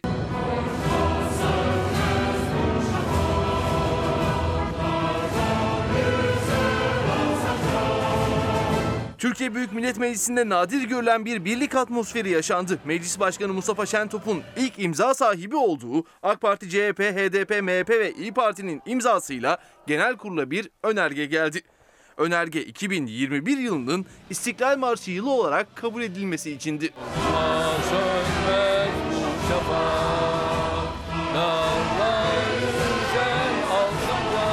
Beş partinin altında ortak imzasının olduğu düzenleme genel kurulda kabul edildi ve 2021 yılı İstiklal Marşı yılı oldu. Kabul edilen önergeyle 2021 yılı boyunca bütün kamu kurum ve kuruluşlarında İstiklal Marşı'nın kabulü ve Mehmet Akif Ersoy'u anma etkinlikleri düzenlenecek. Dün çalışmalarımızı yaparken tam o sırada danışmanımla konuşuyorduk. Nihal Kemaloğlu ile telefonda gündemi çalışıyorduk. Bir taraftan da gözüm ajanslardaydı. Kuzey Kıbrıs'tan gelen önemli bir heyet ve Cumhurbaşkanı yardımcısıyla bizim Fuat Oktay'la bir görüşme. Kuzey Kıbrıs Türk Cumhuriyeti'nde maaşların ödenmesi konusunda ortaya çıkan bir belirsizlik ve devletimizin Kuzey Kıbrıs'a göndereceği para. Bunu haberleştirmesini rica ettim ekip arkadaşlarımdan. Biraz sonra haber hazırlandığı zaman sizlere de sunacağım efendim. Böylece Cumhuriyet'e geldik. Avrupa İnsan Hakları Mahkemesi'ni tanımadı diyor. Erdoğan Demirtaş kararına sert çıktı. Hukukçular takdiri açık değil dedi. Erdoğan, Türkiye'nin kararlarına uymakla yükümlü olduğu ve kendisinin de 3 kez başvurduğu AHİM'in Demirtaş'a ilişkin kararının siyasi olduğunu söyledi. Erdoğan, AHİM mahkemelerimizin yerine geçerek karar veremez. Terörü savunuyorlar. Ey AHİM anlasan da anlamasan da anlatacağız dedi. CHP Grup Başkan Vekili Özkoç, AHİM ve Anayasa Mahkemesi'nin Erdoğan için bir karşılığı olmadığını belirterek çünkü bu ülke uluslararası anlaşmalara ve hukuka bağlı yönetilmiyor dedi. Erdoğan'ın sözlerinin yargıya müdahale olduğunu söyleyen hukukçular tartışmayı bile utanç verici buldu diyor efendim. Mesela böyle bulanlardan birisi de tartışmalardan Türkiye adına, kurumlarımız adına, hukuk dünyamız adına üzüldüm diyen Profesör Doktor Osman Can mesela AK Parti'ye çok yakın bir isim. AK Parti'yi geçmişte kapanmaktan kurtaran önemli bir isimdi efendim. Hadi şimdi hep beraber Kafkaslara gidelim. azad edilmiş torpaqlardayıq. Sağ tərəfdə ermənilər tərəfindən dağıdılmış kəndlərimizdir. Gedirik Qubadlı rayonuna. Sahibləri gəlib bu torpağa. Aliyev 30 yıllık esaretin ardından kurtarılan Kubatlı şehrini ziyaret etti. Ermenistan'ın çekilirken yakıp yıktığı evleri dünyaya gösterdi. Erivan hesap verecek dedi. İkinci Dünya müharibəsinə həsr edilmiş abidədir. Onu da dağıdıblar. Görün hansı vəhşi düşmənlə biz üz-üzəydik. Bölgəmizi, Qafqazı faşistlərdən azad etdik. Bütün bu kəndləri bərpa edəcəyik.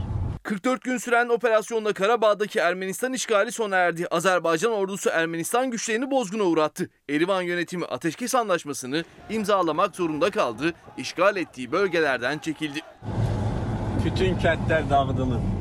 30 yıl işgal altında kalan kentlerden biriydi Gubatlı. Azerbaycan Cumhurbaşkanı Aliyev özgürlüğüne kavuşan Kubatlı'yı ziyaret için yola çıktı. Kendi kullandığı araçla Kubatlı'ya giderken işgalden kurtarılan bir başka kent Zengilan'da Ermenistan güçlerinin yaktığı evleri kameralara gösterdi. Zəngilan rayonunun dağıdılmış kəndləri. Aliyev'in Kubatlı ziyaretine dair görüntülerini eşi Mihriban Aliyeva sosyal medya hesabından paylaştı. Kubatlı'da askerlerle bir araya gelen İlham Aliyev bir kez daha Karabağ Azerbaycan'dır dedi. Biraz sonra Kuzey Kıbrıs'a da gideceğiz. Asgari ücrete ilişkin haberlerde, ekonomiye dair manşetler de var.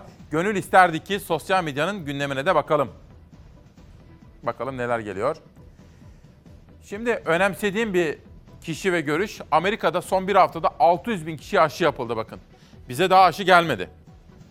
Aşı yok ortada. Amerika'da son bir haftada 600 bin kişi aşı yapıldı. Bu yüzden kimse ölmedi. Sadece bir kişide ağır alerji oldu. Hastanede bir gün gözlemde kaldı o kadar. Diğer taraftan yine Amerika'da son bir haftada 125 bin kişi koronadan hastanelik oldu. 20 bin kişi öldü. Seçim bu işte. Yani diyor ki aşı olacağız. Biraz sonra bir uzmanla konuşacağız. Demokrasi meydana katılacak. O uzman bu gece sabaha kadar yoğun bakımda görevliydi. Korona hastalarını gördü. Ona soracağım ne hissettiniz, neler yaptınız? Kaçırmayın diyorum. Ve rakamları da vermiş. Fransa aşı olmayanları, yok geçelim geçelim. Nasıl anlattım ben onu. Fransa aşı olmayanları toplu taşıma kullanamamaları konusunda sınırlayacak kanuna hazırlanıyor. Türkiye'de benzeri bir uygulamaya gidebilir. Yani efendim şu aşı zorunlu olmayabilir ama eğer aşı olmazsanız uçağa binemeyebilirsiniz. Toplu taşımayı kullanamayabilirsiniz. Fransa bu uygulamaya geçiyor. Bence önemli. Ve biraz evvel beni üzdüğünü söylediğim o fotoğrafın hikayesi Barışçı arkadaştan. Oradaydım ve tarihe geçen bu fotoğrafı ben çekmek zorunda kalmıştım. Metin Akpınar ve Müjdat Gezen'i yargılamak en hafif deyimiyle ayıptır diyor. Erdoğan'ın Avrupa İnsan Hakları Mahkemesi'ne başvuruları. Şimdi Erdoğan da geçmişte hak mağduriyeti yaşamıştı. Çiğdem Toker de 1999'da okuduğu şiirle ilgili davada 10 ay hapis cezası alınca Erdoğan'ın AHİM'e başvurduğunu hatırlatıyor. 2002'de bundan 3 yıl sonra adli sicil kaydı silinsin istemi reddediliyor Türkiye'de. Erdoğan AHİM'e başvuruyor. 3. YSK'nın milletvekili olamayacağı kararını da AHİM'e götürüyor. Hak arama mücadelesini sürdürüyor. Recep Tayyip Erdoğan tabii şimdi Cumhurbaşkanı o zamanlar milletvekili olmaya çalışıyordu. Ve Türkiye'nin pek çok yerde temsilciliğini yapmış, büyükelçilik yapmış Namık Tan. Ahim kararlarını tanımayan bir ülkenin hukuk reformundan bahsetmesi gülünçtür diyor emekli büyükelçi Namık Tan. Canan Kaftancıoğlu Türkeş'i hani CHP Türkeş ziyareti yaptı ya Seva Türkeş'i. Türkeş'i ziyaretten rahatsızlık duymadım. Öyle bir güne denk gelmesindeki Alevi vatandaşların hassasiyetlerini anlıyorum dedi. Günaydın İsmail Bey. Bu ortamda federasyon başkanı olarak beni, bizi sevmeyenlerin, kadın hareketini de desteklemeyenlerin yarın kanun yarın kanun kabul edildiğinde bunu ihbar etmesiyle STK başına kayyum atanabilecektir. Böyle bir ortamda bunu düşünmek demokrasiye, Avrupa Birliği'ne hedef gösterenlerin kendisi ile ters düşmektedir. Karşıyız diyor. Yani STK'lara, sivil topluma kayyum atama konusu çok ciddi bir risktir diyor efendim. Bakan Varank, Milas zeytinyağı bugün Avrupa Birliği nezdinde de tescillendi demiş. Milas'ı kutluyoruz. Darısı Akhisar'ın da başına, Gemliğin de başına. Mahfiye İlmez, 1500 metre serbest stil yüzmede dünya gençler rekoru kıran Merve Tunceli Can'dan kutluyorum. Kızlarımızın sporun her alanda öne çıkmaya başlayan başarılarıyla gurur duyuyoruz diyor efendim. Şimdi efendim Kuzey Kıbrıs haberini bir bekletelim. İzin verirseniz bir reklamlara gidelim. Çünkü reklamlarda konuşmak istediğim bir iki husus var sizler için araştırmak istediğim. Ve o arada da ben sabaha kadar yoğun bakımda çalışan uzmanımızı huzurlarınıza getireceğim. Bugün de tanıtmak istediğim kitaplardan birisi şu. Hüseyin Uysal, Yalnız Bir Avcıdır Yürek Postiga yayınlarından yeni çıkmış. Bana da bu sabah imzalı olarak gelmiş efendim. Saatler 9.30'a doğru yol alıyor. Ben şöyle terasa çıkayım. Bir göstersene terası İrfan. Dışarıya bir bakalım. Hah. Gönül isterdi ki diyoruz İsmail Küçükkaya ile Demokrasi Meydanı reklamlardan sonra yoğun bakımda neler yaşandığını anlatan değerli bir uzmanımızla devam edecek efendim. Günaydın efendim, hoş geldiniz. 24 Aralık 2020 Perşembe sabahında İsmail Küçükkaya ile Mavi Bir Sabah'tasınız. Daha konuşacak çok konumuz, paylaşmak istediğimiz haberler, manşetler var. Bir de konuğumuz var efendim. Bugün dün geceden itibaren, dün akşamdan itibaren sabaha kadar yoğun bakımda çalışmış bir uzmanla konuşacağız. Bunun dışında ekonomiye dair haberler var. Bir de muazzam bir Atatürk videosu gördüm. Bir de şair Atol Behramoğlu'ndan 65 yaşın üzerindeki kıymetli büyüklerimizin hakkını koruyan bir adalet arayışı var. Evet evet 65 yaşın üzerindekilerle ilgili. Bütün bunları size aktaracağım. Gazetelerde geldi ve Savaş Yıldız da şu andan itibaren yönetmen koltuğunda. Mis gibi de çayım geldi. Günaydın, iyi misiniz? Sabah çayı gibi yoktur biliyorsunuz. İzin verirseniz bir yudum içeceğim. Oh mis gibi. Efendim günaydın. Savaş dışarıya bir bakabilir miyim? Ve günün hava durumu haberini biraz güncelledik. Yeni bilgiler geldi, yeni görüntüler geldi. İşte günün işte günün hava durumu.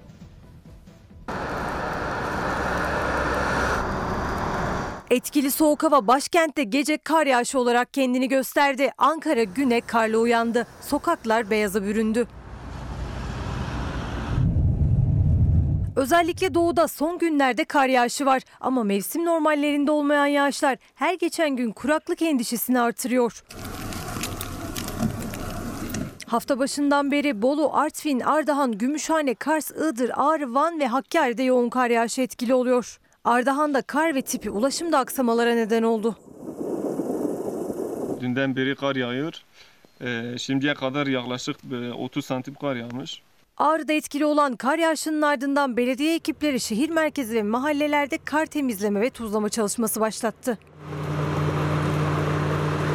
Mahsukan aracı özel idare ekiplerimizin müdahaleleriyle kurtarıyor bulmaktayız. Iğdır ve Batman'da kar çileye dönüştü. Yoğun kar yağışı nedeniyle köy yolları kapandı. Araçlar yollarda mahsur kaldı. Denizli'de etkili olan yoğun sis özellikle trafikte olanlara zor anlar yaşattı. Ordu'ya mevsimin ilk karı düştü. Yüksek kesimlerde etkili olan kar ortaya kartpostallık görüntüler çıkardı. Zigana Dağı'da beyaza büründü. Kar kalınlığı 10 santimetreye ulaştı.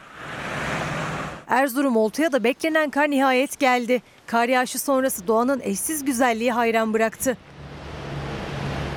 Bolu Gölcük Tabiat Parkı'nın yüksek kesimleri de beyaz örtüyle kaplandı. Doğal güzelliği görmek için gelenler eşsiz manzaranın keyfini çıkardı. Yedigöller Milli Park yoluysa kar ve buzlanma nedeniyle ulaşıma kapandı. Bursa Uludağ'da yağan kar sonrası yerli yabancı turist akınına uğradı. İstanbul'sa bugün çok bulutlu. Bu sabah ve gece saatlerinde yer yer sis ve pus hadisesi bekleniyor. Ankara içinse hafif kar yağışı uyarısı var. Şöyle lapa lapa kar yağsa. Abant'ı gördünüz değil mi? Adeta Como Gölü. Adeta İsviçre gibi değil mi? Ne kadar hoştu. Kar yağsa şöyle. Şimdi Atol Behramoğlu ile dün haberleştik, mesajlaştık. Büyük şairdir. Cumhuriyet Gazetesi yazarı.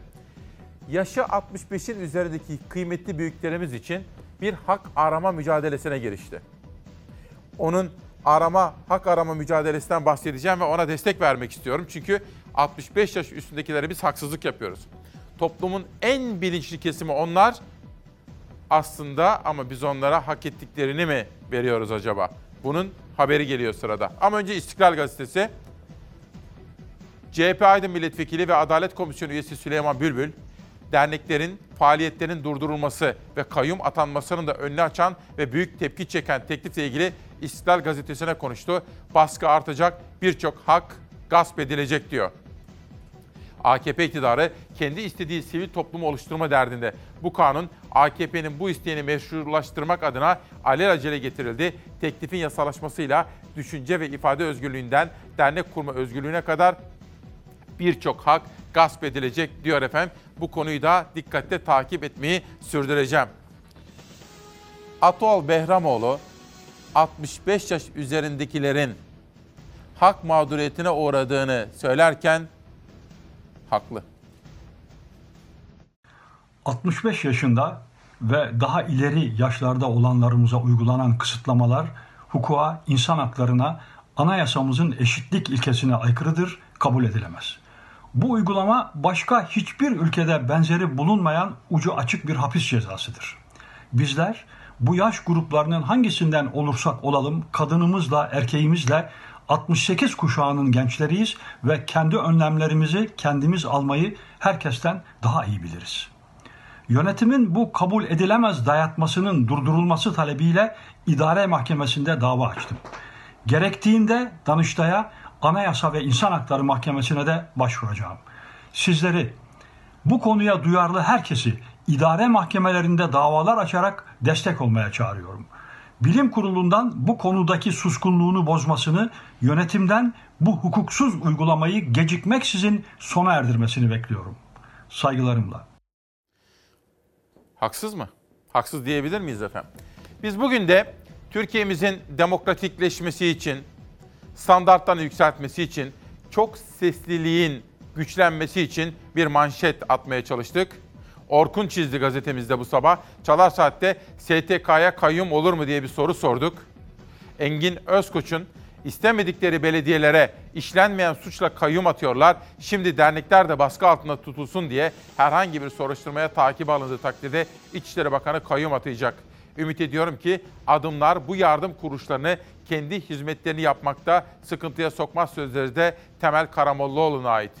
Türkiye Kadın Dernekleri Federasyonu da kitle imha silahlarının yayılmasının finansmanının önlenmesine ilişkin kanun teklifinin içine STK'ya kayyum atamaya kadar giden engelleme maddelerini katmak demokratik değildir diyor. Biz de böyle düşünüyoruz. Efendim herhangi bir sorun varsa bir dernekte, bir sivil toplum kuruluşunda işte Türkiye Cumhuriyeti'nin mahkemeleri var.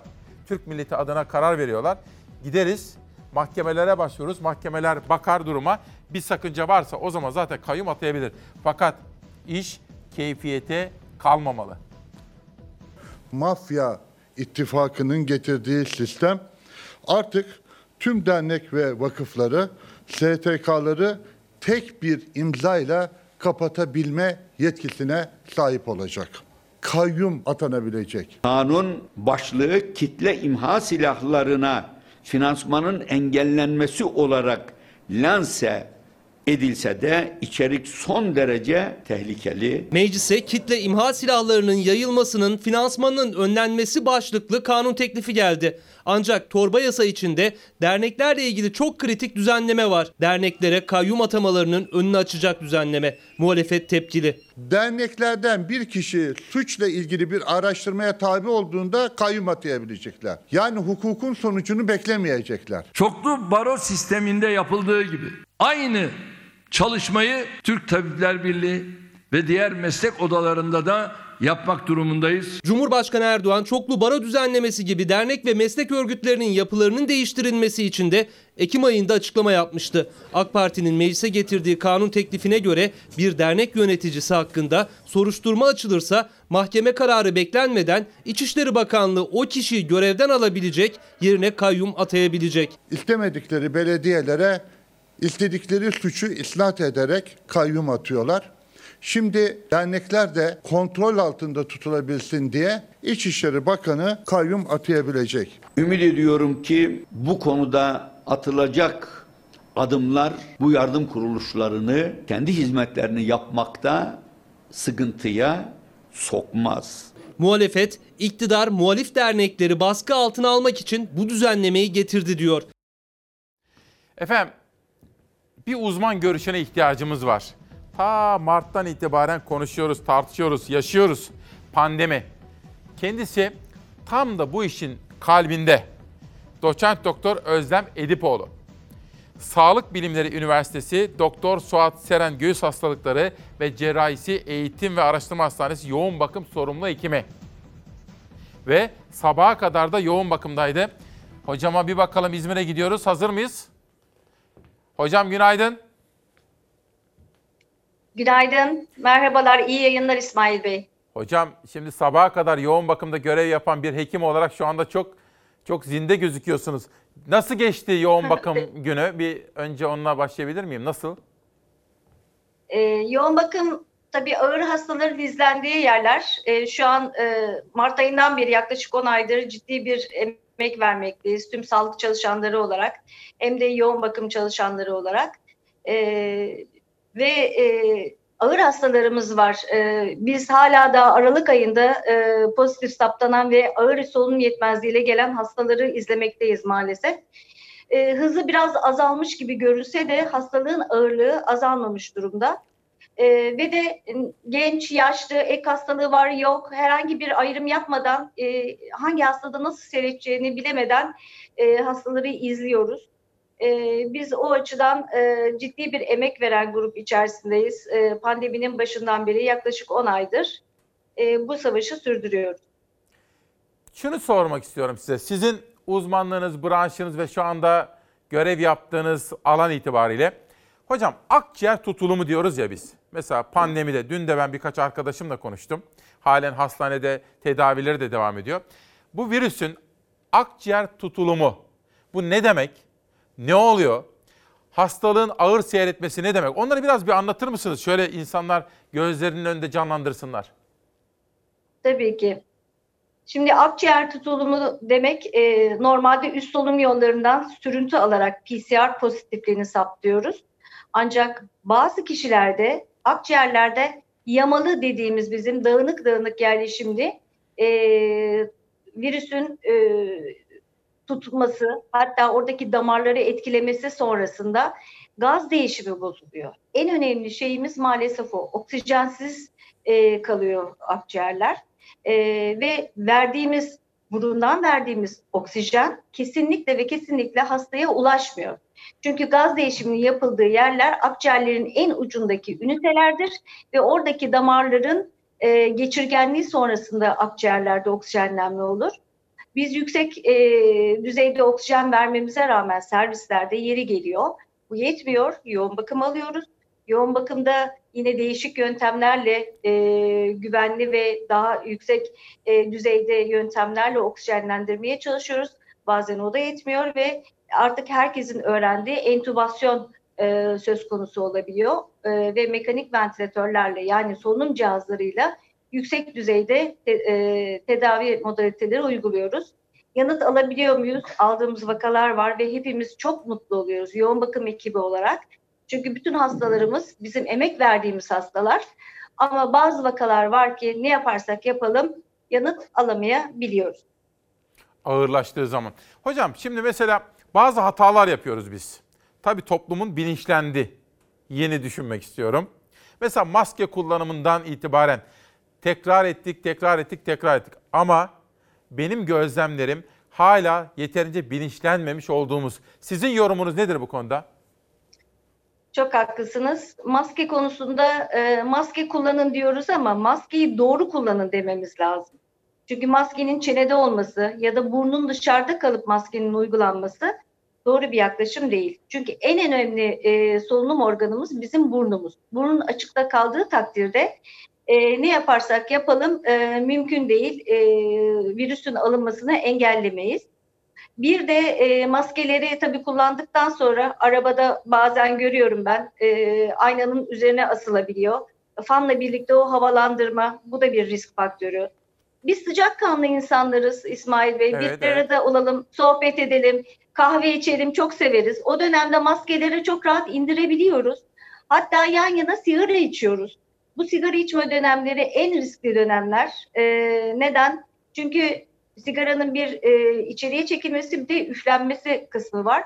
Üfleme esnasında virüsün yayılması en sık olan durumlar. O yüzden bizim önerdiğimiz en az 3 metre olması gerekiyor. İki kişi yan yana sigara içiyorsa. Ki ben branşım itibariyle Ki sigara, sigara içmesinler. kesinlikle önermiyorum. Ama içiliyor ise de yan yana ağız ağıza değil tamamen uzak bir şekilde içilmesini öneriyoruz. O riski mi artırıyor? Sigara zaten kötü de ama pandemi nedeniyle ekstradan risk mi oluşuyor?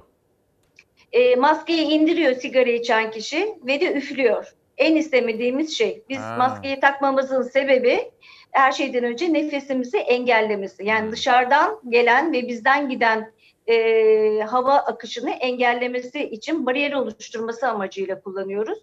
Ama e, tabii ki e, diğer durumda hem maske çıkıyor hem üfleme oluyor ve bu şekilde floralar maalesef karışıyor.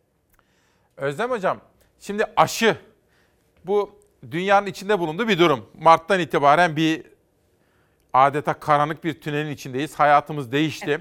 Ve tünelin ucunda ileride de olsa bir aşı ışık gibi gözüküyor. Böyle sunuluyor. Kimisi de aşı olmam diyor. Ben bunu anlayamam. Ben bilim insanlarına bakarım ve aşımı kendim için veya büyüklerim için başta annem olmak üzere aşıyı mutlaka oldurmaya gayret ederim. Siz bu konuda ne dersiniz? Ee, çok haklısınız. Ee, toplum toplumsal bağışıklık sağlanması gerekiyor. Bunu enfeksiyonu geçirerek bağışıklık sağlayamıyoruz. Çünkü reküren enfeksiyonları görebiliyoruz. E, şu anda e, yapacağımız en büyük şey aşılanmak. Yani e, geldiği anda e, en mümkün olduğu zamanda toplumun en az yarısından fazlasının aşılanmış olması gerekiyor ki biz daha rahat davranabilelim. Aşılandıktan sonra da gene aynı önlemleri bir müddet devam edeceğiz. E, hep e, değerli hocalarım da üzerine basarak söylüyor. Ben de tekrar etmek isterim. E, aşı olduktan sonra da ben aşılandım artık herhangi bir e, risk yok demeden yine aynı önlemleri e, uygulayarak artık bu hastalığın hızının kesildiğinden emin olmamız gerekiyor. Ama kesinlikle ve kesinlikle aşıya ben de katılıyorum yapılması gerekiyor. Peki şimdi yılbaşı geliyor hocam. Her yer kapalı. Hareketlerimizin kısıtlanmış olması gerekiyor. Neyse ki otellerin o baloları, eğlenceleri iptal edildi. Yerinde bir karar verildi. Ne yapacağız yılbaşı için? Şimdi biz yaklaşık 10 aydır ben e, akrabalarımı görmüyorum İsmail Bey. E, çekirdek aile olarak yaşıyoruz. E, tabii yılbaşında da herkesten istediğim aynı şekilde olmaları. E, 2021'in daha parlak olması için yılbaşında tekrar tekrar üzerinde vurgulamak istiyorum. Çekirdek aile olarak kutlayalım ki sevdiklerimizin e, hastalığına şahit olmamak adına. E, bir araya gidip gelmeyi özledik. Hepimiz özledik. Evet. Bir arada olmayı özledik. Ee, ama daha erken yılbaşı için gerçekten hepimizin e, dikkat etmesi gerekiyor. Bayramlar olsun, diğer etkinlikler olsun biliyoruz ki bunun hızını ciddi anlamda artıran etkinlikler oldu. Biraz daha içimizde kalalım. İnşallah e, bağışıklık sağlandıktan sonra hep beraber e, birlikte yılbaşı, bayram kutlamaları yaparız diye ümit ediyorum. İnşallah diyelim. Özlem hocam bir de bugün sabah en erken saatlerden itibaren bu sabah bana en fazla gelen soru sınavlar. Şimdi tabii çocuklarımızın durumu özel bir ilgiyi hak ediyor. Fakat çocuklar okula gidecekler, gelecekler, sınav yapılacak yüz yüze. Sonra eve gelecekler, süper taşıyıcı olurlar olmazlar. Pek çok sayıda veli de yüz yüze sınav yapılması ile ilgili kaygılarını, endişelerini bize aktardılar ve sordular. Yorumunuz? Aslında yüz yüze sınav yapılması için e, bir görüşüm. Ee, benim iki tane e, çocuğum var. İkisi de online eğitim e, alıyorlar. E, maske e, ve aralıklı oturma e, ve de olabildiğince hijyen koşulları sağlanırsa e, tabii çocukların yaş grubuna göre bunu sağlamak çok kolay olmayabilir. e, riski minimiz, minimalize ederek e, sınav oluşabilir, e, yapılabilir ama e, yine de yüz yüzedense online sınava e, daha sıcak bakıyorum ben e, şahsım adına. Sizin çocuklar kaç yaşında hocam? E, benimkiler 20 ve 17. Ha büyümüşler. Üniversitede mi okuyorlar onlar? Evet, evet, evet. Üniversitede de online tabii değil mi şu anda? E, online hibrit eğitim aslında. Karışık. E, yani derslerin hepsi online ama sınavları da online'a döndüler. Bir şey soracağım. Tıp, tıp mı okuyor birisi mesela? Hayır. Genelde doktorların çocuklarında mutlaka tıp okuyan çıkıyor onun için sordum. yok, yok. Tıp okumuyor. Peki. Psikoloji okuyor. Ne okuyor? Psikoloji. Ha güzel o da güzelmiş. Hocam son olarak ne söylemek istersiniz? Bugün mesela bilim kurulu toplantısı yapılacak. Aşı ile ilgili biz haberler bekliyoruz. Aşı henüz Türkiye'ye gelmiş değil. Bugün bilim kurulu toplantısından sonra Sağlık Bakanı Sayın Fahrettin Koca da açıklamalar yapacak. Siz bu işlerle ilgilenen, tam da yoğun bakımda görev yapan, önemli bir hastanede de tam da akciğer uzmanısınız, göğüs, aynı zamanda Toraks Derneği yöneti- yönetimindesiniz. Ne söylemek istersiniz son olarak? E, aşı konusunda e, aşı geldiği andan itibaren e, yani planlanan çerçevede önce sağlık çalışanlarına yapılacağı söylendi. Herkesin aşıya sıcak bakmasını e, düşünüyorum. E, çünkü hep söylenen e, toplumun en az yüzde altmışından fazlasının bu virüste karşılaşmış olması gerekiyor bu, e, aşı sayesinde. E, şu aşısı, bu aşısı diyecek durumda değiliz. Çünkü çok ciddi kayıplar veriyoruz. Hatta meslektaşlarımızı biliyorsunuz ki her gün e, artık duymak e, içimizi çok kanatıyor. Kayıplar yaşıyoruz. E, bu sebeple e, aşı olmamız e, ve e, bu konuda bağışıklanmamız önemli. E, bunu vurguladığınız için ben de teşekkür ediyorum. Kıymetli hocam, aslında son sözünüzü rica ettim ama aklıma bir soru daha geldi sizi dinlerken. Mart'tan itibaren siz herhalde yüzlerce hasta gördünüz, Covid hastası. Yüzlerce yoğun bakımda hastamıza tedavi verdiniz. Şimdi başta İngiltere ve dün itibariyle Güney Afrika'dan bu virüsün mutasyona uğradığına dair haberler gelmeye başladı. Sizin bu konudaki gözlemleriniz nedir? Mart'tan itibaren gelen hastalarla bugünlerde gelen hastalar, ya bir değişim, bir bir şey var mı? Şu an için çok bir değişim yok Türkiye bazında, İzmir bazında düşündüğümüzde. E, ama e, virüsün yarattığı daha çok e, etkilerle biz çok uğraşıyoruz. Virüs çünkü e, öyle bir sistemi başlatıyor ki e, vücuttaki e, pıhtılaşmadan tutun e, akciğer sistemi pek çok sisteme etkileyebiliyor. Bu aralar hani çok farklılık görmüyoruz e, ancak hani mutasyonu e, uğradığı e, uğradığını e, öğrendiğimiz ülkeler var. E, kliniği değiştirecek mi? Daha mı e, ağır olacak? Bunu herhalde yaşayıp göreceğiz. Türkiye genelinde şu an için çok farklılık söz konusu değil. Çok çok teşekkür ediyorum. Sağ olun. Demokrasi Meydanı'na katılım gösterdiğiniz için Özlem Edipoğlu hocamızı buradan selamlıyoruz. İzmir'e de selamlarımızı söylüyoruz. Hürriyet Gazetesi. Şimdi bir de biz biliyorsunuz ülkemizin ve kentlerimizin tarihsel dokularına önem veriyoruz değil mi? Mesela ben eski Türkiye'yi özlüyorum. Şimdi bize bir masal anlatıyorlar ya yeni Türkiye. Ya yeni Türkiye diye bir şey yok. Yeni Türkiye ne zaman? Atatürk zamanında kuruldu yeni Türkiye. Onun ifadeleri var. Yeni bir devlet, yeni bir cemiyet. Büyük önderimiz Atatürk böyle söylüyor. Dolayısıyla bugünlerde yeni Türkiye diye bir masal anlattıkları zaman ben inanmıyorum. Benim için yeni Türkiye dağılmakta olan, işgal altındaki bir imparatorluktan kurulmuş yepyeni bir cumhuriyet. Mustafa Kemal Cumhuriyeti. Bir video hazırladım. Daha doğrusu bir video yakaladık. Sizlere göstermek istiyorum ilerleyen dakikalarda. Ama şimdi tıpkı Ankara'da Saraçoğlu Mahallesi'nde olduğu gibi İstanbul'da da korumamız gereken binalar var. TRT Ulus Yerleşkesi ve Tarihi Harbiye Radyo Evi binası depreme dayanıksız oldukları gerekçesiyle boşaltılıyor.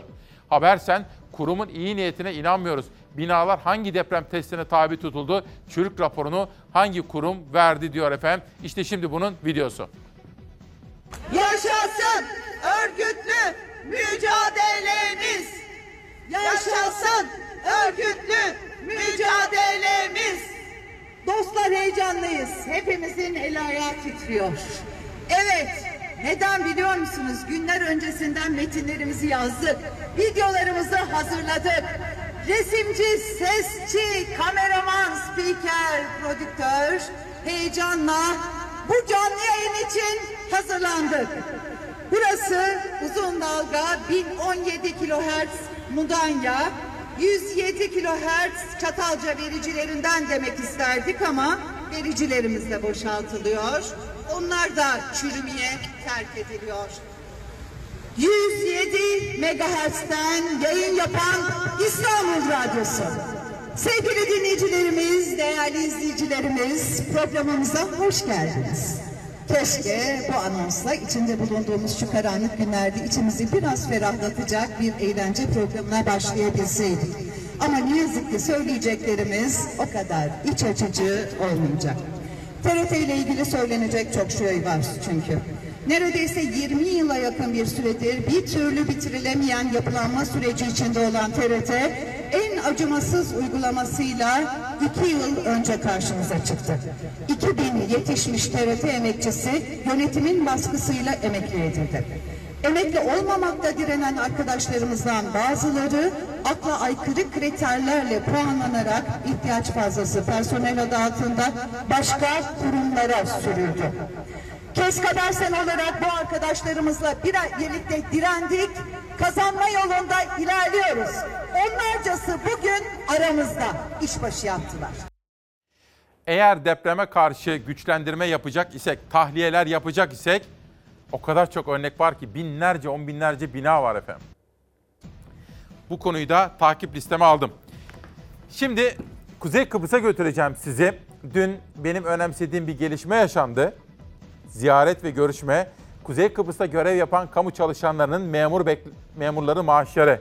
devletimiz sahip çıkıyor. Ama önce KAHEV. KAHEV Kadın Hekimler Vakfı. Onlar sağlık çalışanlarımızın çocuklarıyla ilgili eğitim faaliyetlerine destek veriyorlar. Bu kitap da işte Doktor Murat Çam'ın editörlüğünü yaptı. Bu kitabın bütün geliri tek bir kuruşuna bile dokunmadan KHV'ye yani Covid'den hayatını kaybeden sağlık çalışanlarımızın çocuklarına gidiyor efendim. Bunu da biraz sonra Instagram'dan da paylaşım yapacağım ki sağlık çalışanlarımızın çocuklarına eğitim masrafına katkı verebilsin KHV, Kadın Hekimler Vakfı. Kadın Hekimler ve özellikle eğitime destek vakfı. İlk ses İzmir Gazetesi. Bugün de yerel gazeteleri Savaş Yıldız kardeşimle birlikte takip ettik. Bir teşekkür edebilir miyim efendim? Tabii ben de yoruluyorum ama ben de birlikte bütün ekip arkadaşlarım. Editörüm Zeray Kınacı. Bugün haber masasında 3 arkadaşım vardı. Zafer Söken, Beyza Gözeyik ve Derya vardı. Derya Özcan. Danışmanım Nihal Kemaloğlu bana dışarıdan yardımcı oldu. Savaş Yıldız'la İrfan dönüşümlü olarak yönetmen koltuğunda bulundular. Savaş'la ayrıca da yerel gazeteleri seçtik. Tam bu, burada karşımda Yunus abim var. Adı da güzel, kendisi de güzeldir. Rahmetli babamın hem adını, siması da çok benzer. Burada da Mümin kardeşim var. O da, ben ona Tatar Mümin diyorum ama Eskişehirli aslında o Çerkesmiş. Ben onu yeni öğreniyorum laf aramızda. Evet, her birine teşekkür ediyorum. Emeği geçen rejideki bütün arkadaşlarım. Mesela bugün teknik yönetmen Latif abimiz var. Seste Turgay kardeşim var. Her birine tek tek isimlerini zikredemeyeceğim ama her birine içtenlikle teşekkür ediyorum. İzmir, servisçiler kontak çeviremiyoruz diyor. Pandemiden en çok etkilenen esnaf grubu olan servisçi esnafının sözleri manşette yer almış Nurettin Baki'nin haberi. Ege'den doğuya, İzmir'den Van'a geçiyorum. Acil destek bekliyor. Kim? Vanlı esnaftan yetkililere çağrı gelmiş. Niyazi Budak ile konuşmuşlar. Van'da kahveciler, kıraathaneciler, internetçiler odası başkanı esnafın çok zor durumda olduğunun altını çiziyor. Ve Bilecik diyorum. Dün sizlere sevinçle Söğüt'ten, Bilecik'ten o haberi vermiştim. Ama yeter ki Bilecik'i doğal güzelliklerini de koruyalım. Suyunu, toprağını kirletmeden altınımızı çıkaralım. Söğüt'te büyük keşif 3,5 milyon onsluk altın kaynağı tespit edildi. Esnaf manşeti için Kütahya'ya geçiyorum. Dumlupınar gazetesi haciz işlemleri durdurulsun. Kütahya Ziraat Odası Başkanı Ömer Demirtaş çiftçinin yaşadığı sorunlara parmak basmış ve dikkat çekmiş efendim. Tekirdağ gazetesinde dün Tekirdağ'daki şehir hastanesinde başta Fox olmak üzere Tele1, KRT, Halk TV gibi televizyonların yayınlanmadığını söylemişti. Ben de sizlere söz vermiştim. Şehir hastanesini kim işletiyor öğrenecektim, öğrendim. Arayacaktım, aradım. Soracaktım, sordum. Yanıtını sizlere biraz sonra vereceğim. Ama şimdi bir habere gidelim. Kuzey Kıbrıs'la ilgili güzel bir haber. Hoş geldiniz. Kuzey Kıbrıs Türk Cumhuriyeti'nde de bir kamu çalışanlarında bir maaş beklentisiyle ilgili bir müjde de bekleniyor. 800 milyon TL'lik bir e, nakdi aktarıyor olacağız. Kuzey Kıbrıs Türk Cumhuriyeti'nde göreve yeni başlayan hükümet ilk resmi ziyaretini Türkiye'ye yaptı. Resmi görüşmelerden Kuzey Kıbrıs Türk Cumhuriyeti kamu çalışanlarına maaş müjdesi çıktı. Sayın Başbakan ve heyetiyle birlikte bunları da görüştük tabii. Biz bu müjdeyi buradan paylaşmış olalım. Herhangi bir sıkıntının olmayacağıyla alakalı. Kuzey Kıbrıs Türk Cumhuriyeti'nde Başbakan Ersan Saner ve hükümeti göreve başladı. Teamüllerde olduğu gibi de ilk resmi ziyareti Ankara'ya yaptı.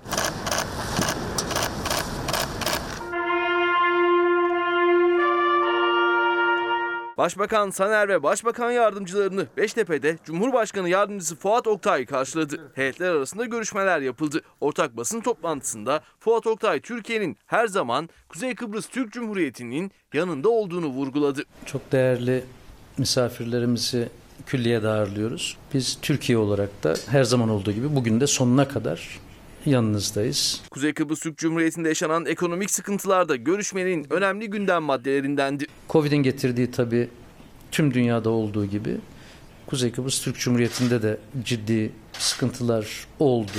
Kendi içimizdeki değerlendirmelerimizde hükümeti de rahatlatmak adına, Kıbrıs Türk'ünü rahatlatmak adına şu andaki tüm sorunların çözümüyle alakalı ve biliyorum Kuzey Kıbrıs Türk Cumhuriyeti'nde de bir e, çalışanlarımızda, kamu çalışanlarında bir maaş beklentisiyle ilgili bir müjde de bekleniyor. Cumhurbaşkanı Yardımcısı Fuat Oktay o müjdeyi de verdi. Türkiye'nin Kuzey Kıbrıs Türk Cumhuriyeti'ne 800 milyon lira aktaracağını açıkladı. 800 milyon TL'lik bir e, nakdi aktarıyor olacağız.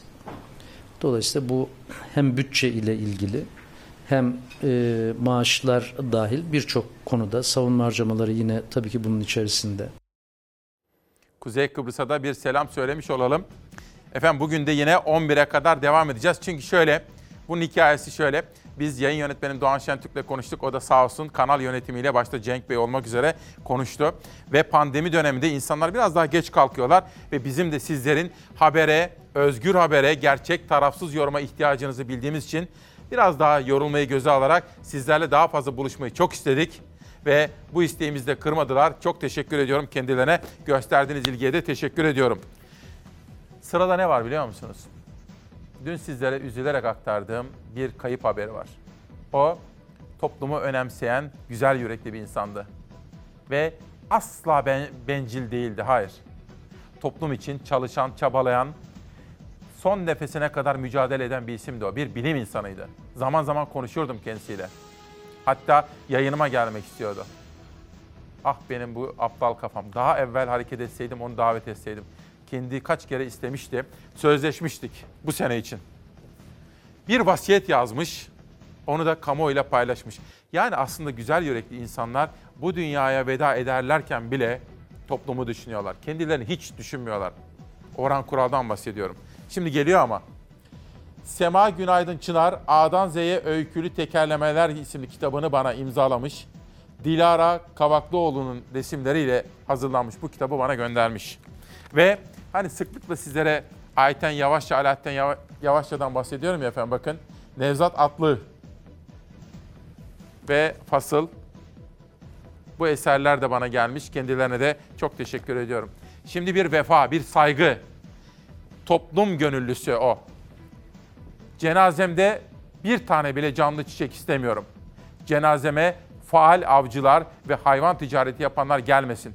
İstanbul Teknik Üniversitesi Maden Mühendisliği eski bölüm başkanı ve Türkiye Gezginler Derneği kurucusu Profesör Orhan Kural koronavirüs nedeniyle hayatını kaybetti. Ama bakın iyi bölüm nedir biliyor musunuz? Bir zamanlar Arjantin Felsefe grubunda yıllar yılı bunu çalıştık Ahmet İnam'la birlikte. İyi bir ölüm dediğimiz şey tas tamam anlamlı ve iyi bir yaşamdır. Merhaba.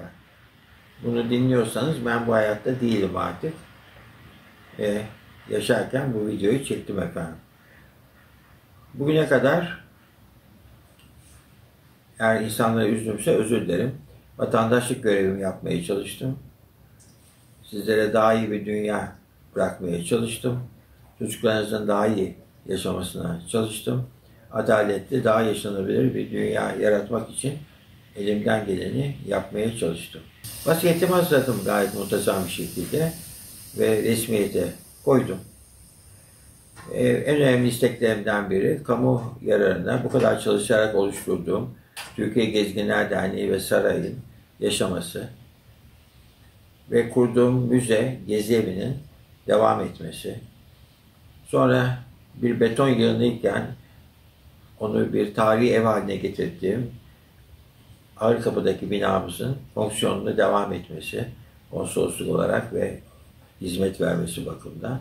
Aynı zamanda tek ağaçla alıp 800 ağaçlı bir koru haline getirdiğim Fener Köyü'ndeki çiftliğinde devam etmesi yönünde kızımdan istekte bulundum. Onlara bir buz imkanı sağlıyorum ve bir Orhan Kural busu yapılacaktır. Bu konuda Yurt Madenin Geliştirme Vakfı'na belli bir para bıraktım efendim. Benim cenazeme kesinlikle kök yiyenler, bilmiyorum yaz mı olacak, kış mı olacak ama ve faal avcılar gelmesinler istemiyorum kesinlikle. Özellikle hayvan ticareti yapanlar gelmesinler. Sonra bana bir tane bile cenazemde canlı çiçek istemiyorum. Sepet dahil, belediye başkanları dahil yollamasınlar. Onun yerine Çekül Vakfı'na veya diğer eğitim kurumlarına bağışta bulunsunlar. Mümkün olacak mı bilmiyorum. Vasiyetimde de yazdım. Eğer mümkünse organlarımı hem kadavra olarak hem de kullanılması için hediye ediyorum. e, bu yazılı olarak da bildirildi. Çünkü yazılı olması gerekiyor. En çok merak ettiğim şey daima arkamdan ne yazılacak? Basın ne yazacak? İnsanlar ne konuşacaklar diye hep merak ettim. Herhalde şu anda o yapılıyordur diye düşünüyorum. Ve sizlere sağlıklı, nice mutlu coğrafyalarda uyanabileceğiniz başarı dolu bir dünya diliyorum efendim. Sevgiyle kalın.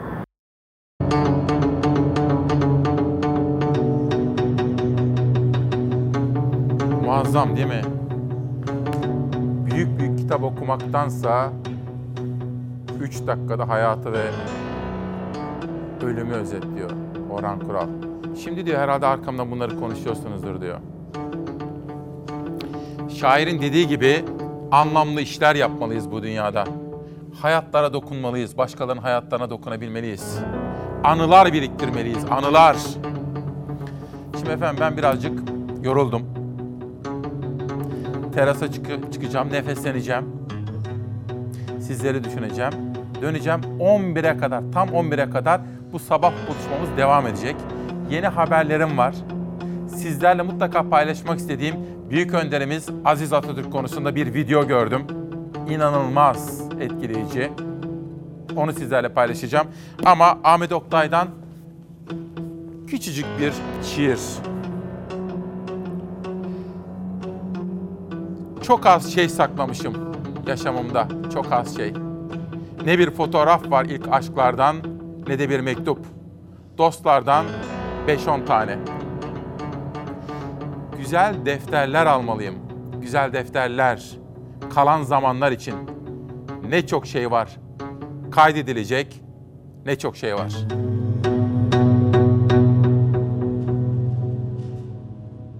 Gönül isterdi ki. Ne isterdi efendim gönlünüz? Gönlünüzden geçen nedir?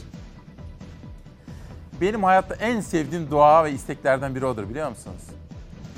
Allah sana gönlüne göre versin. Ya da gönlünüze göre olsun her şey. Gönül kelimesi çok güzeldir. 24 Aralık 2020 Perşembe sabahında İsmail Küçükkaya ile Mavi Bir Sabahtasınız. Günaydın. Yönetmenimden rica ediyorum. Bir gün gazetesinden asgari ücret manşeti geliyor. Asgarinin yarısı bez ve mamaya gidiyor. Ozan Gündoğdu'nun haberi. Türkiye İstatistik Kurumu'nun asgari ücret için 2700 lira önermesine tepkiler sürüyor. Kurum artış oranını biz belirlemiyoruz dese de önerdiği ücretin yarısı sadece bebek bezine ve çocuk mamasına ancak yetiyor diyor. O halde biz de size Disk'in yapmış olduğu açıklamalar ışığında tam da asgari ücretin gündeminde bu konuda hazırladığımız özel manşeti sunuyoruz. Ücreti istemiyoruz. Devletin kendi kurumu TÜİK bir işçinin geçinmesi için gerekli asgari tutar 2792 liradır dedi. Buradan soruyoruz. Bu mu adaletiniz? Kendi hesabınızı siz yapsanız asgari ücretliye ne kadar verirsiniz?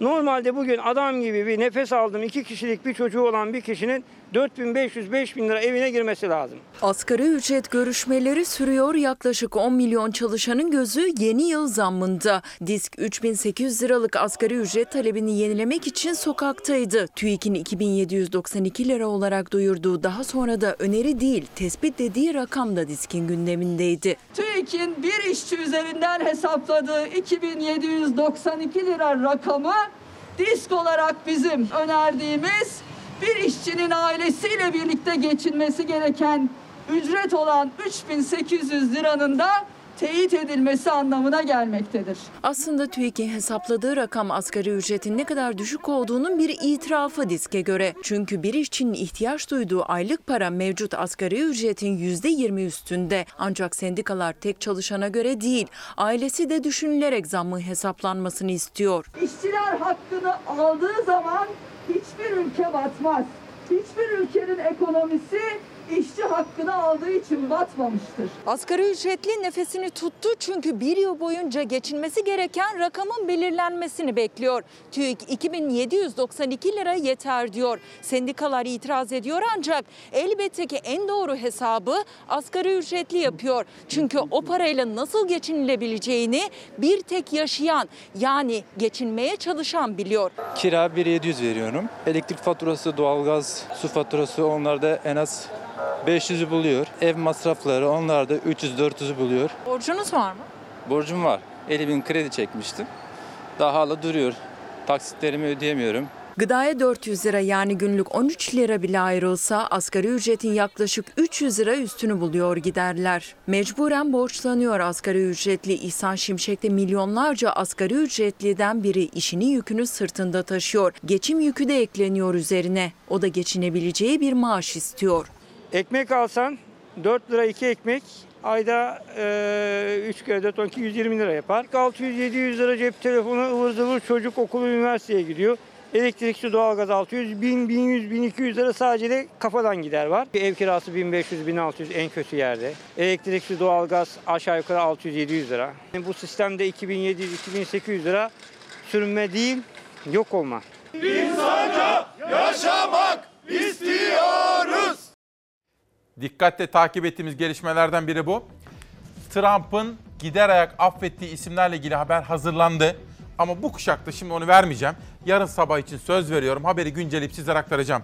Elimde bir kişinin bu dünyadan göçüp gitmiş bir kişinin nasıl anıldığını gösteren inanılmaz duygusal bir metin var. Bir gün gazetesinde gördüm ama önce kuraklık haberi. Şok gazetesinden okuyorum. Faciaya gidiyoruz. Ülkenin dört bir yanından kuraklık haberleri geliyor. Denizli ve Tokat'ta göller kurudu. Trakya'da yeraltı suları %85 azaldı. Edirne Belediye Başkanı Recep Gürkan facianın kapıda olduğunu söyledi. Haberi izlerken lütfen çok sevdiğimiz bu ülke için düşünelim. Yanınızdaki çocuklarımız şu anda online eğitimini televizyondan, bilgisayardan takip eden çocuklarımızın geleceği için düşünelim. Biz ne yaptık da ülkeyi bu hale getirdik? Yeraltı sularımız yüzde 85 oranında azaldı. Bir faciaya doğru gidiyor. Edirne Belediye Başkanı Recep Gürkan faciaya gidiyoruz diyerek anlatıyor susuzluk tehlikesini. Trakya son 91 yılın en kurak dönemini yaşıyor. İstanbul'un barajları her gün daha da boşalıyor. Türkiye'nin dört bir yanından kuruyan, su seviyesi azalan barajların görüntüleri geliyor. Sularımız sürekli düşmekte, yeraltı suları sürekli azalmakta. Su çok az bildiğiniz gibi değil. Bayağı yarım metreden fazla azalmış yani. İklim krizi nüfus artışı suyun bilinçsiz kullanımı dünyayı gitgide kurutuyor. Türkiye'nin barajları da kırmızı alarm veriyor.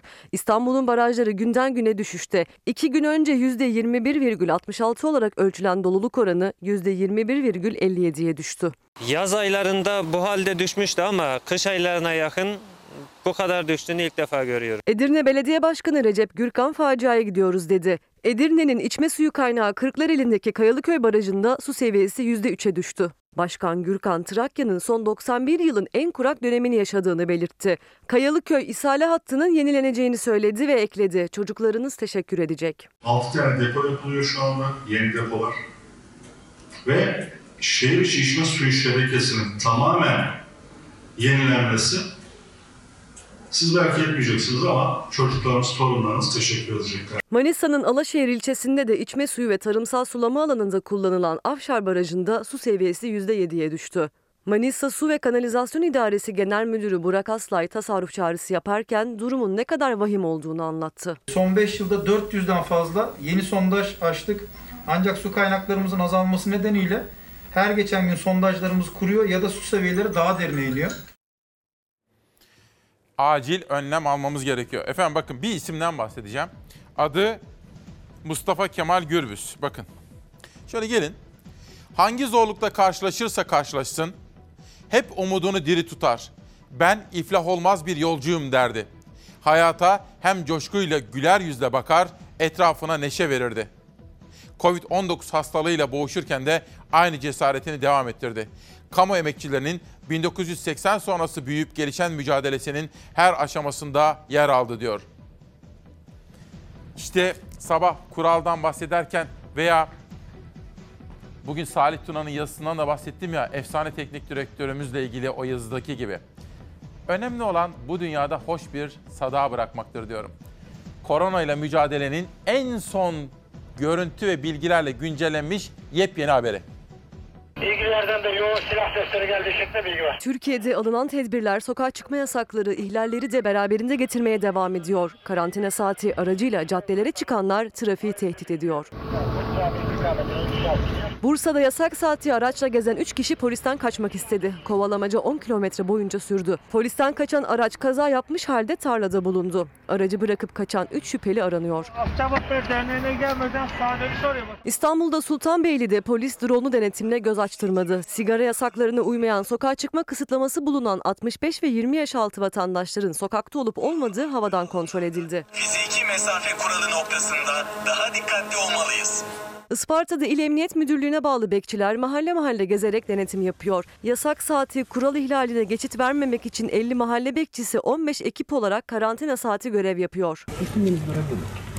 Pandeminin etkisiyle sokakta yiyecek bulmakta zorlanıyor sokakta yaşayan dostlarımız. Onları salgın günlerinde unutmayanların bir adresi de Denizli Merkez Efendi Belediyesi oldu. Belediye Başkanı Şeniz Doğan, yemek atıklarını sokak hayvanlarına mama haline getirmek için pet kafe ve sokak hayvanları mama üretim tesisini hizmete açtı. Hizmete giren tesisimiz can dostlarımız için işbirliği içinde çalıştığımız gönüllülerimizin bir araya gelebildiği pet parkı özelliğiyle tüm Türkiye'ye örnek niteliği taşıyor. Çocukluğumda böyle bir evdeyiz. İşte dört kardeş, anne baba oturmuşuz. Babamın o kahkahalarını hiç unutmam. En çok ne- neye gülerdi biliyor musunuz? Zeki Alasya, Metin Akpınar filmleri ve Kemal Sunal filmleri. İnanılmaz. O kadar defalarca defalarca izlerdik. Şimdi Metin Akpınar bu aklıma nereden geldi? Haberi sizler için hazırlarken rahmetli babam aklıma geldi. Ona ilişkin bir haber var. Sedef Sade sen Yeter Ki İste isimli kitabını yazmış, imzalamış ve bize göndermiş. Teşekkür ediyorum. Gönül isterdi ki Metin Akpınar gibi, Müjdat Gezen gibi değerlerimizi böyle el üstünde tutalım. İçimizde varlar da onları bu yaşlarında mahkeme koridorlarına göndermeyelim. Pencere gazetesi bugün Akpınar ve Gezen hakim karşısında diye bir haber yapmış. Gönül isterdi ki bir toplum sanatçısına hak ettiği değeri versin, verebilsin. Şimdi yargıya gitsinler bunun hesabını versinler. Öyle karşılıksız bu işleri bırakamayız. Bunun bedelini ödeyecekler. Sanatçı Metin Akpınar Cumhurbaşkanı'na hakaret ettiği iddiasıyla hakim karşısına çıktı. Mahkemede doğrudan Cumhurbaşkanı'na yönelik onu hedef alan bir söz söylemedim dedi. Beraatini istedi. Usta sanatçılar Metin Akpınar ve Müjdat Gezen hakkında 2018 yılında katıldıkları bir televizyon programında Cumhurbaşkanı'na hakaret ettikleri gerekçesiyle dava açıldı. Sorsanız demokratlar, sanatçılar ama sanda yani milletin iradesine zerre kadar saygıları yok. Sanatçılar hakkında açılan davanın duruşması vardı dün. Müjdat Gezen sağlık sorunları gerekçesiyle duruşmaya katılmadı. Metin Akpınar ise mahkeme salonuna geldi.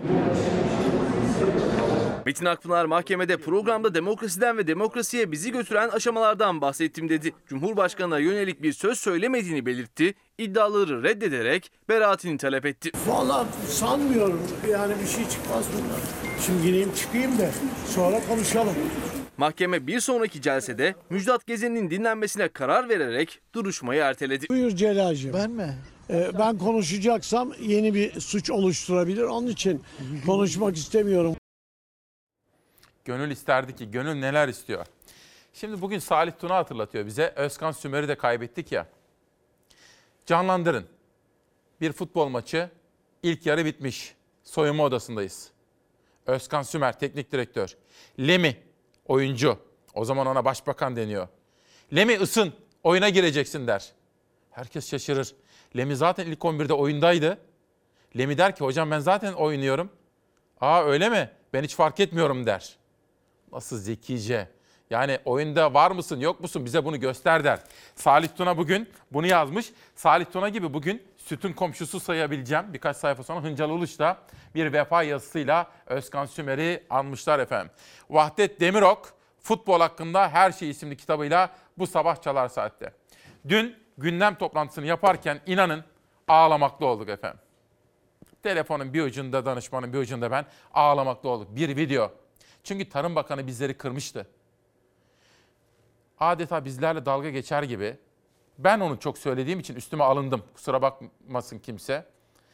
Türkiye dünyada tarımda kendi kendine yeten 7 ülkeden biriydi diye duyardık. Öyle büyüdük ya. Ben bunu tekerleme gibi söyledim burada 8 yıldır. Üzerime alındım onun için. Bu diyor bir efsanedir diyor Sayın Bakan. Efsane değil. Belki efsane, gerçek efsane. Bakın, görüntüler 1934'te İran Şahı Rıza Pehlevi'nin Gazi Mustafa Kemal Atatürk'ü ziyaret sırasında çekilen ilk sesli filmi. Ankara'da oynanan ilk opera Özsoy Operası da bu ziyarete gerçekleşti. Bunu izleyeceksiniz, etkileneceksiniz ama dün sizlere söz verdim. Önay Alpago ile Cumhuriyet döneminin ilk dönem uygulamalarını, tarımda, çiftlikte, çiftçilikteki devrimlerini salı günü özel bir yayında konuşacağız. Müthiş videolar var. Ama şunu izleyip de etkilenmezseniz ben de hiçbir şey bilmiyorum. 16 Haziran 1934 günü İran Şahı Rıza Pehlevi Ankara'ya geldi.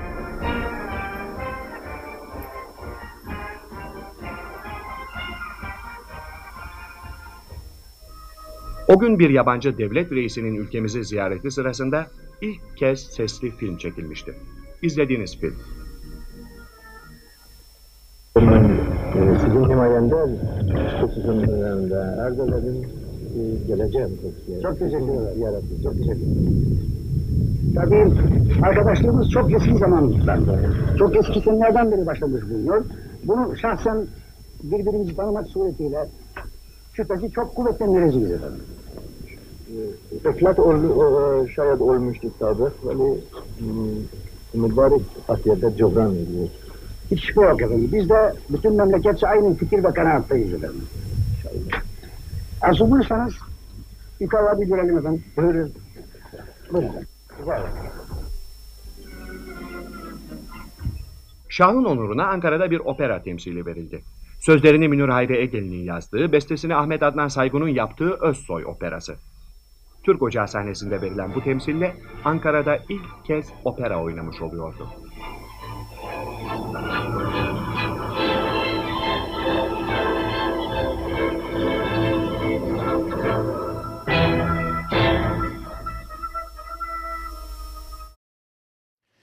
Sizlere daha evvel izletmiştim. Atatürk Orman Çiftliği atamız yetkililerden nasıl bilgiler alıyor? Fransızca konuşuyordu önce sonra yetkililerle konuşuyordu. Çünkü misafirleri de vardı. O bütün videoları salı gününe özel bir yayınla anlatacağım. Genç Cumhuriyet bizleri doyurmuştu, büyütmüştü efendim. Hakkını vereceğiz gayet tabii. Eray Gürbüz Nasıl Fenomen Olunur şeklinde bir kitap yazmış, yollamış. Dün sizlere söz vermiştim. Trakya gazetesinde Tekirdağ Şehir Hastanesi'nde Fox, KRT, Halk TV, Tele1 gibi kanalların gösterilmediği. Ben de şaşırmıştım. Araştıracağım demiştim. Araştırdım. Orayı yapan ve işleten Hamdi Akın, Akfen. Aradım, konuştum. Bilmiyordu. Yayında konuşmuşsun dedi. Ben izleyemedim. Sabah işlerim vardı ama dedi arkadaşlarım uyardı. Öğreneceğim dedi. Anlattı işleyişi. Sonra akşamüstü bana dedi ki evet dedi o orada şu anda bütün bu kanallarda açık dedi. Böyle küçük şeylerle uğraşmaya gerek yok dedi. Bakın Habertrak gazetesi sansürden derhal vazgeçilmeli diyor. Halk TV, Tele1, KRT ve Fox TV kanallarına şehir hastanesinde yer verilmediğine dair haberimizden sonra bu konudaki hata giderildi. Yani sansürcü kafaya hayır diyoruz efendim. Bir de Gaziantep haberini de bir vermek istiyorum. Yeme içme sektöründe durum kötüye gidiyor diyor ve işte yaşanan sorunları Uğur Acıoğlu ile yaptıkları röportajda gözler önüne sermeye çalışmışlar. Bir de arkadaşlarım dün sosyal medyada çok konuşulan bir haber vardı. Bir dolandırıcılık haberi. Hayatın içinden bir haber. İki kelime. Songül Karlı. O gün bugün hayatımı devam ettirdi. Bana bakan, bak öyle diyorum benim 1 lirama kadar aldı. 5 yıl evli kalıp boşandığı eski eşi tarafından 100 milyon lira dolandırıldığını söyleyen sanatçı Songül Karlı başına gelenleri gözyaşları içinde anlattı. Düzenlenen operasyonda Karlı'nın eski eşinin de aralarında bulunduğu 5 kişi gözaltına alındı. Sanatçı Songül Karlı'nın hayatı Metin Y ile evli kaldığı 5 yılda alt üst oldu. İddiaya göre Karlı'nın evini, arsasını, otomobilini ve ziynet eşyalarını yalanlarla ele geçirdi. Parasını vereceğim dedi. Sonra kayıplara karıştı. Çift sonra boşandı. Ancak Songül Karlı hayatı boyunca çalışıp kazandığı birikimini bir daha geri alamadı. Bankama gidiyorum para yok. Meğerse parayı dolaylı yollardan hesaba yolluyor. Karlı'nın dolandırıcılık suçlamalarının ardından polis operasyon başlattı. 7 şüpheli hakkında yakalama ve gözaltı kararı verildi. Metin Y'nin de aralarında olduğu 5 şüpheli gözaltına alındı. Adliyeye çıkarılan dolandırıcılık şüphelileri adli kontrol şartı konularak serbest bırakıldı. Bu da hayatın içinden bir haberdi. Bugün sizlerle buluştuktan, daha doğrusu sizlerle vedalaştıktan sonra Google ve Ticaret Bakanlığı'nın esnafa ilişkin bir uygulaması var. Onu takip edeceğim. Yarına haberlerini vereceğim. Bu arada Milas'ı da kutluyorum. Milas gibi Akhisar'ın, Gemliğin, zeytinlerinin de zeytinyağının da tescillenmesini bekliyorum efendim. İzmir'e gideceğiz. İzmir'le ilgili bir klip hazırladık sizlere. İzmir ağlasın mı? Hayır İzmir ağlamasın. Ama şarkıyı izleyeceksiniz. Ahmet Oktay bir soru. Mutluluk hiç yüreği sızlatır mı efendim? Mutluluktan yüreğini sızladı mı? Ahmet Oktay şöyle, büyük şair şöyle anlatıyor. Anlıyorsun nihayet, anlıyorsun. Mutluluk da sızlatır. Yüreği mutluluk da sızlatır. O zamanlar gizlice yollara çıkardı El ele verirse yıkardı O yasaklı şehirde martılar kadar büyük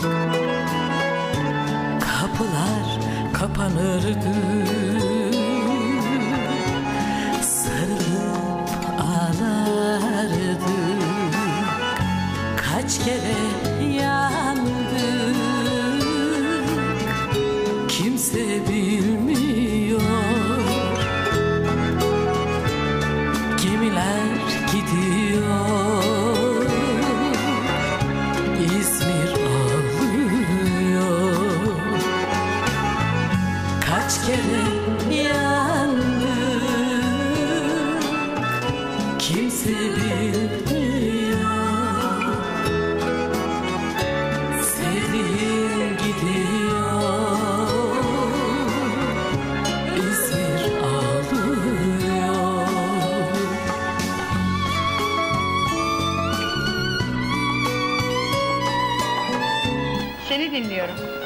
yakın zamana kadar kesin bir karara varmış değildim. Sana karşı o kadar büyük bir ihtiyaç duyuyordum ki, eğer gelmeseydin mutlaka ben İzmir'e gelecektim. Artık tahammülüm kalmamıştı. Derhal köşkten ayrılıp İzmir'e dönmeliydim. O zamanlar zamansız, mekansız çocuktu. Büyüdük belki de